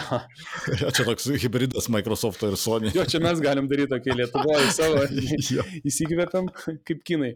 Jo, tai PS Plusas, e, na, bando, bando šiuo metu kažką daryti, kažką daryti, turiu omeny e, kažkaip atsikovoti savo pozicijas, kalbant prieš Microsoft'o e, Blitzkriegą, aš taip pavadinčiau turbūt, nes tikrai, ką jie dabar daro, tai yra wow. Ir jo, paleidžia žaidimų tokių geresnių, vis dabar jau ir, ir praėjusią mėnesį buvo neblogų. Uh, turbūt kiekvieną mėnesį išleidžia tokių, kad atitiktų visas grupės žaidėjų. Būna ir sportinių, įdeda ir strateginių, tai kad pamaišytų. O e, kuo dar jie bando papirkti, tai kiekvieną mėnesį stengiasi įdėti po nemokamą žaidimą į pliusą e, ir PlayStation 5 savininkam naujai iškeptiem. Tai buvo ir Man Eater jau įdėtas ir dabar va, visiškai PS5 Control versija. Mhm. Ir kai tik tai išėjo PlayStation 5, tai buvo Bugsnax, toks visai neblogas žaidimas, originalus labai. Bet jiems dabar su PS5 savotiškai yra toks, toks ir tarsi badas, nes tų apskritai tų žaidimų nelabai yra, o ką čia dar nemokamai dėti, tai jie turbūt daugiau vis tiek PS4, nu, PlayStation 4 turbūt žaidimus dės, kaip tu manai? Nu, aš manau, kad ne, nes va, įdėjo Bugsnax, tą, kur buvo visiškai PlayStation 5. E, Jis yra tokia kaip demonstracija vos ne PS5 galimybių nu, iš dalies. Gal ne, gal nepasakyčiau, nes nu, grafika tokia visiškai, kaip pasakyti, vaikiško žaidimo, žinai, bet, mm. bet, pats, bet pats žaidimas labai įdomus. Jisai atrodo kaip vaikiškas, bet jis yra žiauriai dark. Nes apie tai, kaip ten valgo tokius e, fruktus, e, žodžiu, vaisius ir kūno dalys pasidaro tais vaisiais. Ir po to tenais tokias, tokia istorija naina į labai dark dalykus, kai perima tavo smegenis, kūną, žodžiu, tie vaisiai. Nu, ten yra žiaurų, bet kaip trifidų dienos kvadratų penkiagubų ten kažkokiu, bet labai geras žaidimas, tikrai rekomenduoju, kai jau bus galimybė, jaučiu leis ant akcijų paskui.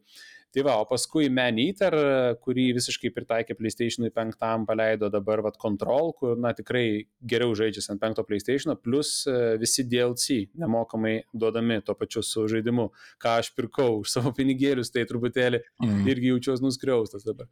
E, bet penktas PlayStation'as turi dar savo tą m, vadinamąją visiems, kaip suprantu, visi prenumeratoriai PS Plus gauna kolekciją geriausių hitų. Taip, čia tu esi visiškai teisus, tai yra yra bombinis dalykas, bet labiausiai bombinis tiems, kas e, tik kava dabar ateina į PlayStation gretas. Tai pavyzdžiui, X, Xboxeriam čia turbūt yra, nežinau, dangaus giesmė, nes taip, tu gauni labai didelę krūvą žaidimų nemokamai, tarp jų yra God of War, tarp jų yra ir Persona 5, tarp jų yra ir Days Gone, ir e, Detroit, kuris yra labai, nu, man asmeniškai labai patinka Detroit ir visi šių kuriejų Quantic Dream žaidimai. Tai mhm. tu gauni praktiškai visą, visą tokią, nežinau, na, galeriją tų puikiausių ir gali žaisti, nežinau, du metus taip grinai vieną po kito. Tai tiem labai gerai, naujiem. Bet tiem, kas jau yra buvę, su PlayStation 4 perina prie 5, tai kaip ir toj kolekcijai beveik nieko nėra, nes ten tokie na, rinktiniai visi. Taip, taip, aš taip, pavyzdžiui, džiaugiuosi, nes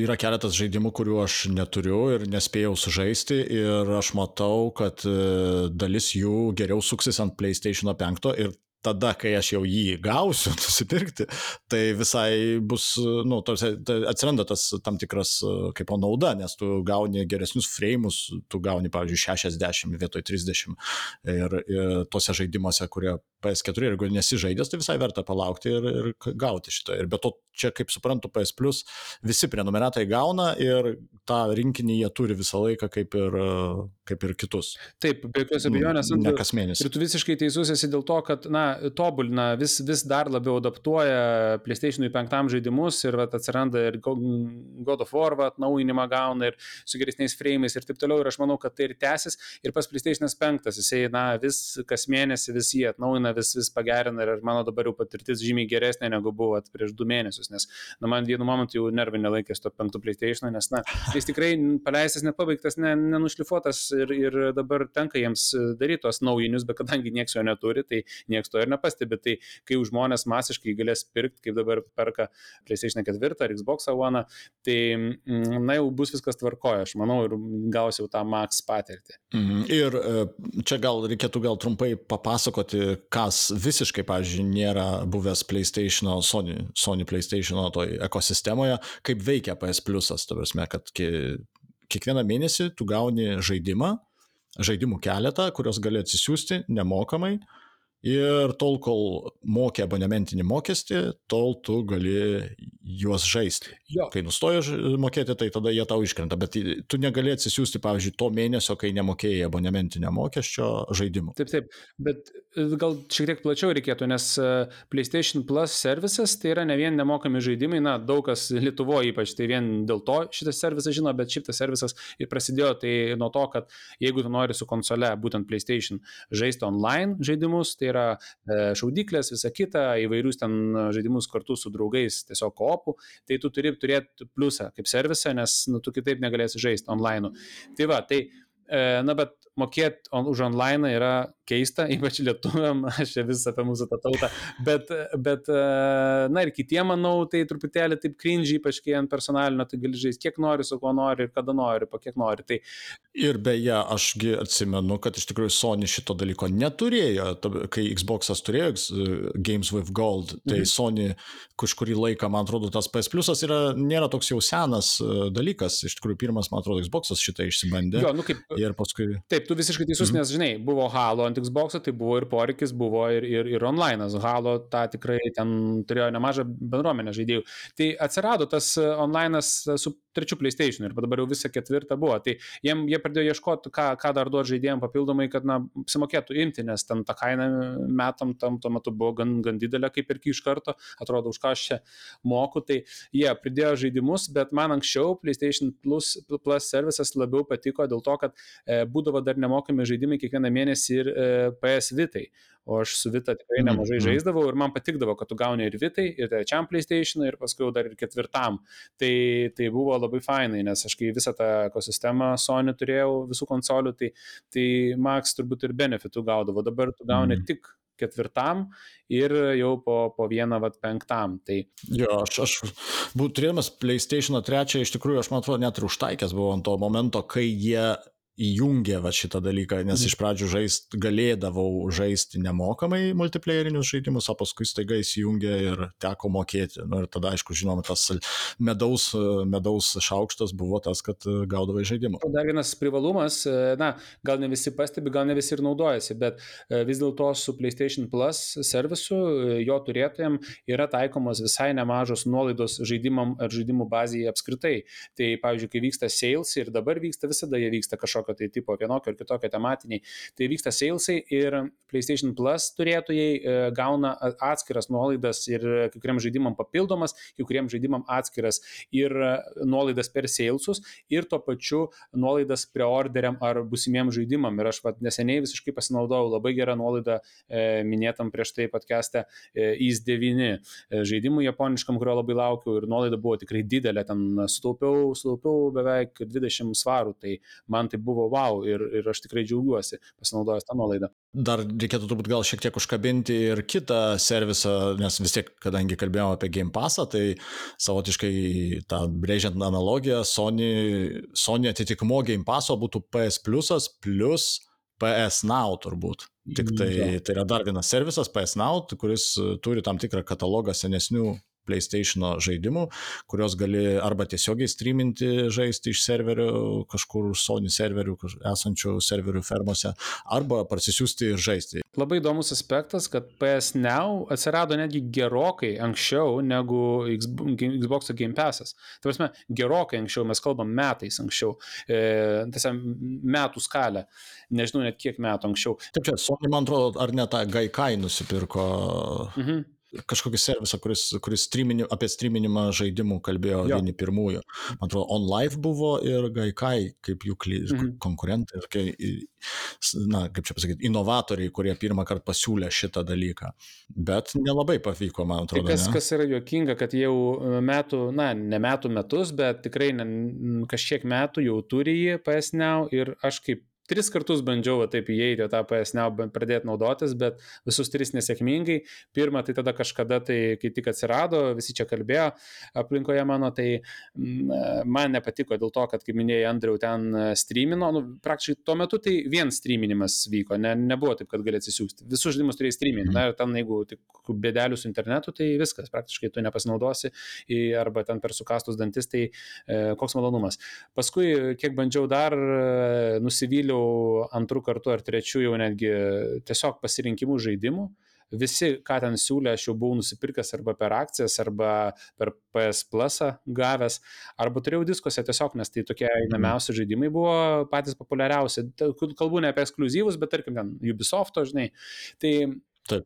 Nu, tai man toks, o ką man ten veikti, žinai, ir ten nėra taip kaip e, Game Passas, kur e, mes kalbam, kad e, kiekvieną mėnesį jie atnaujina ir dabar va, atsinaujino, kiekvieną mėnesį gali prisijungti, netgi mėnesio viduryje ir pasižiūrėti kažkas naujo yra ir taip, taip gausiai. O PS Now yra žaidimai, kurie išeina, yra išimami iš to katalogo. Aš bijau sumeluoti, nes aš taip nesu, va, taip naudojęsis juo dažnai, bet kad jie ateina tenais retai. Tai tikrai, kar vos ne kartą per du mėnesius ar aš ten pamatau naujienas ir tas atnaujinimas toks kurdokas būna irgi, na, kur galvoji rimtai, tik tiek, tai kažkaip, na, tas servisas e, vis dar buksuoja.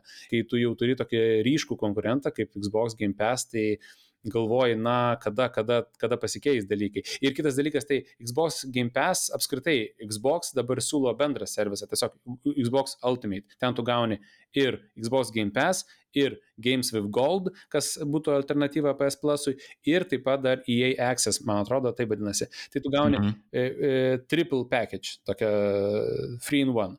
O Sony, aš kiek žinau, nesiūlo uh, package jokių. Pavyzdžiui, kad jeigu tu perki PS Plus plus PS Now, kad to būtų nuolaida abiem, tai nėra tokio dalyko. Bent jau aš nemačiau, gal ir yra, aš dabar bijau sumeluoti, bet, bet na, nemačiau, kad tai būtų siūloma. Tai tu kaip perki mm. du atskirus servisus, tai man tikrai užtenka pilnai PS Plus, o tada. Taip, iš tikrųjų, rezumuojant, galima sakyti taip, būtinai, e, nu, gal tau kontrolą nelabai patiko, aš, aš dar nesu žaidęs, bet vis tiek ne, ne. gerai vertinamas žaidimas. Man jis, tai tikrai... man jis labai patiko, tikrai, aš jį labai rekomenduoju. Nežaidusiam tikrai labai rekomenduoju. Taip, tai vat, šį mėnesį nepamirškite, kas turite PlayStation 4, jeigu ten dulkės renka neįjungiamą, tai įsijunkit ir parsisiųskit.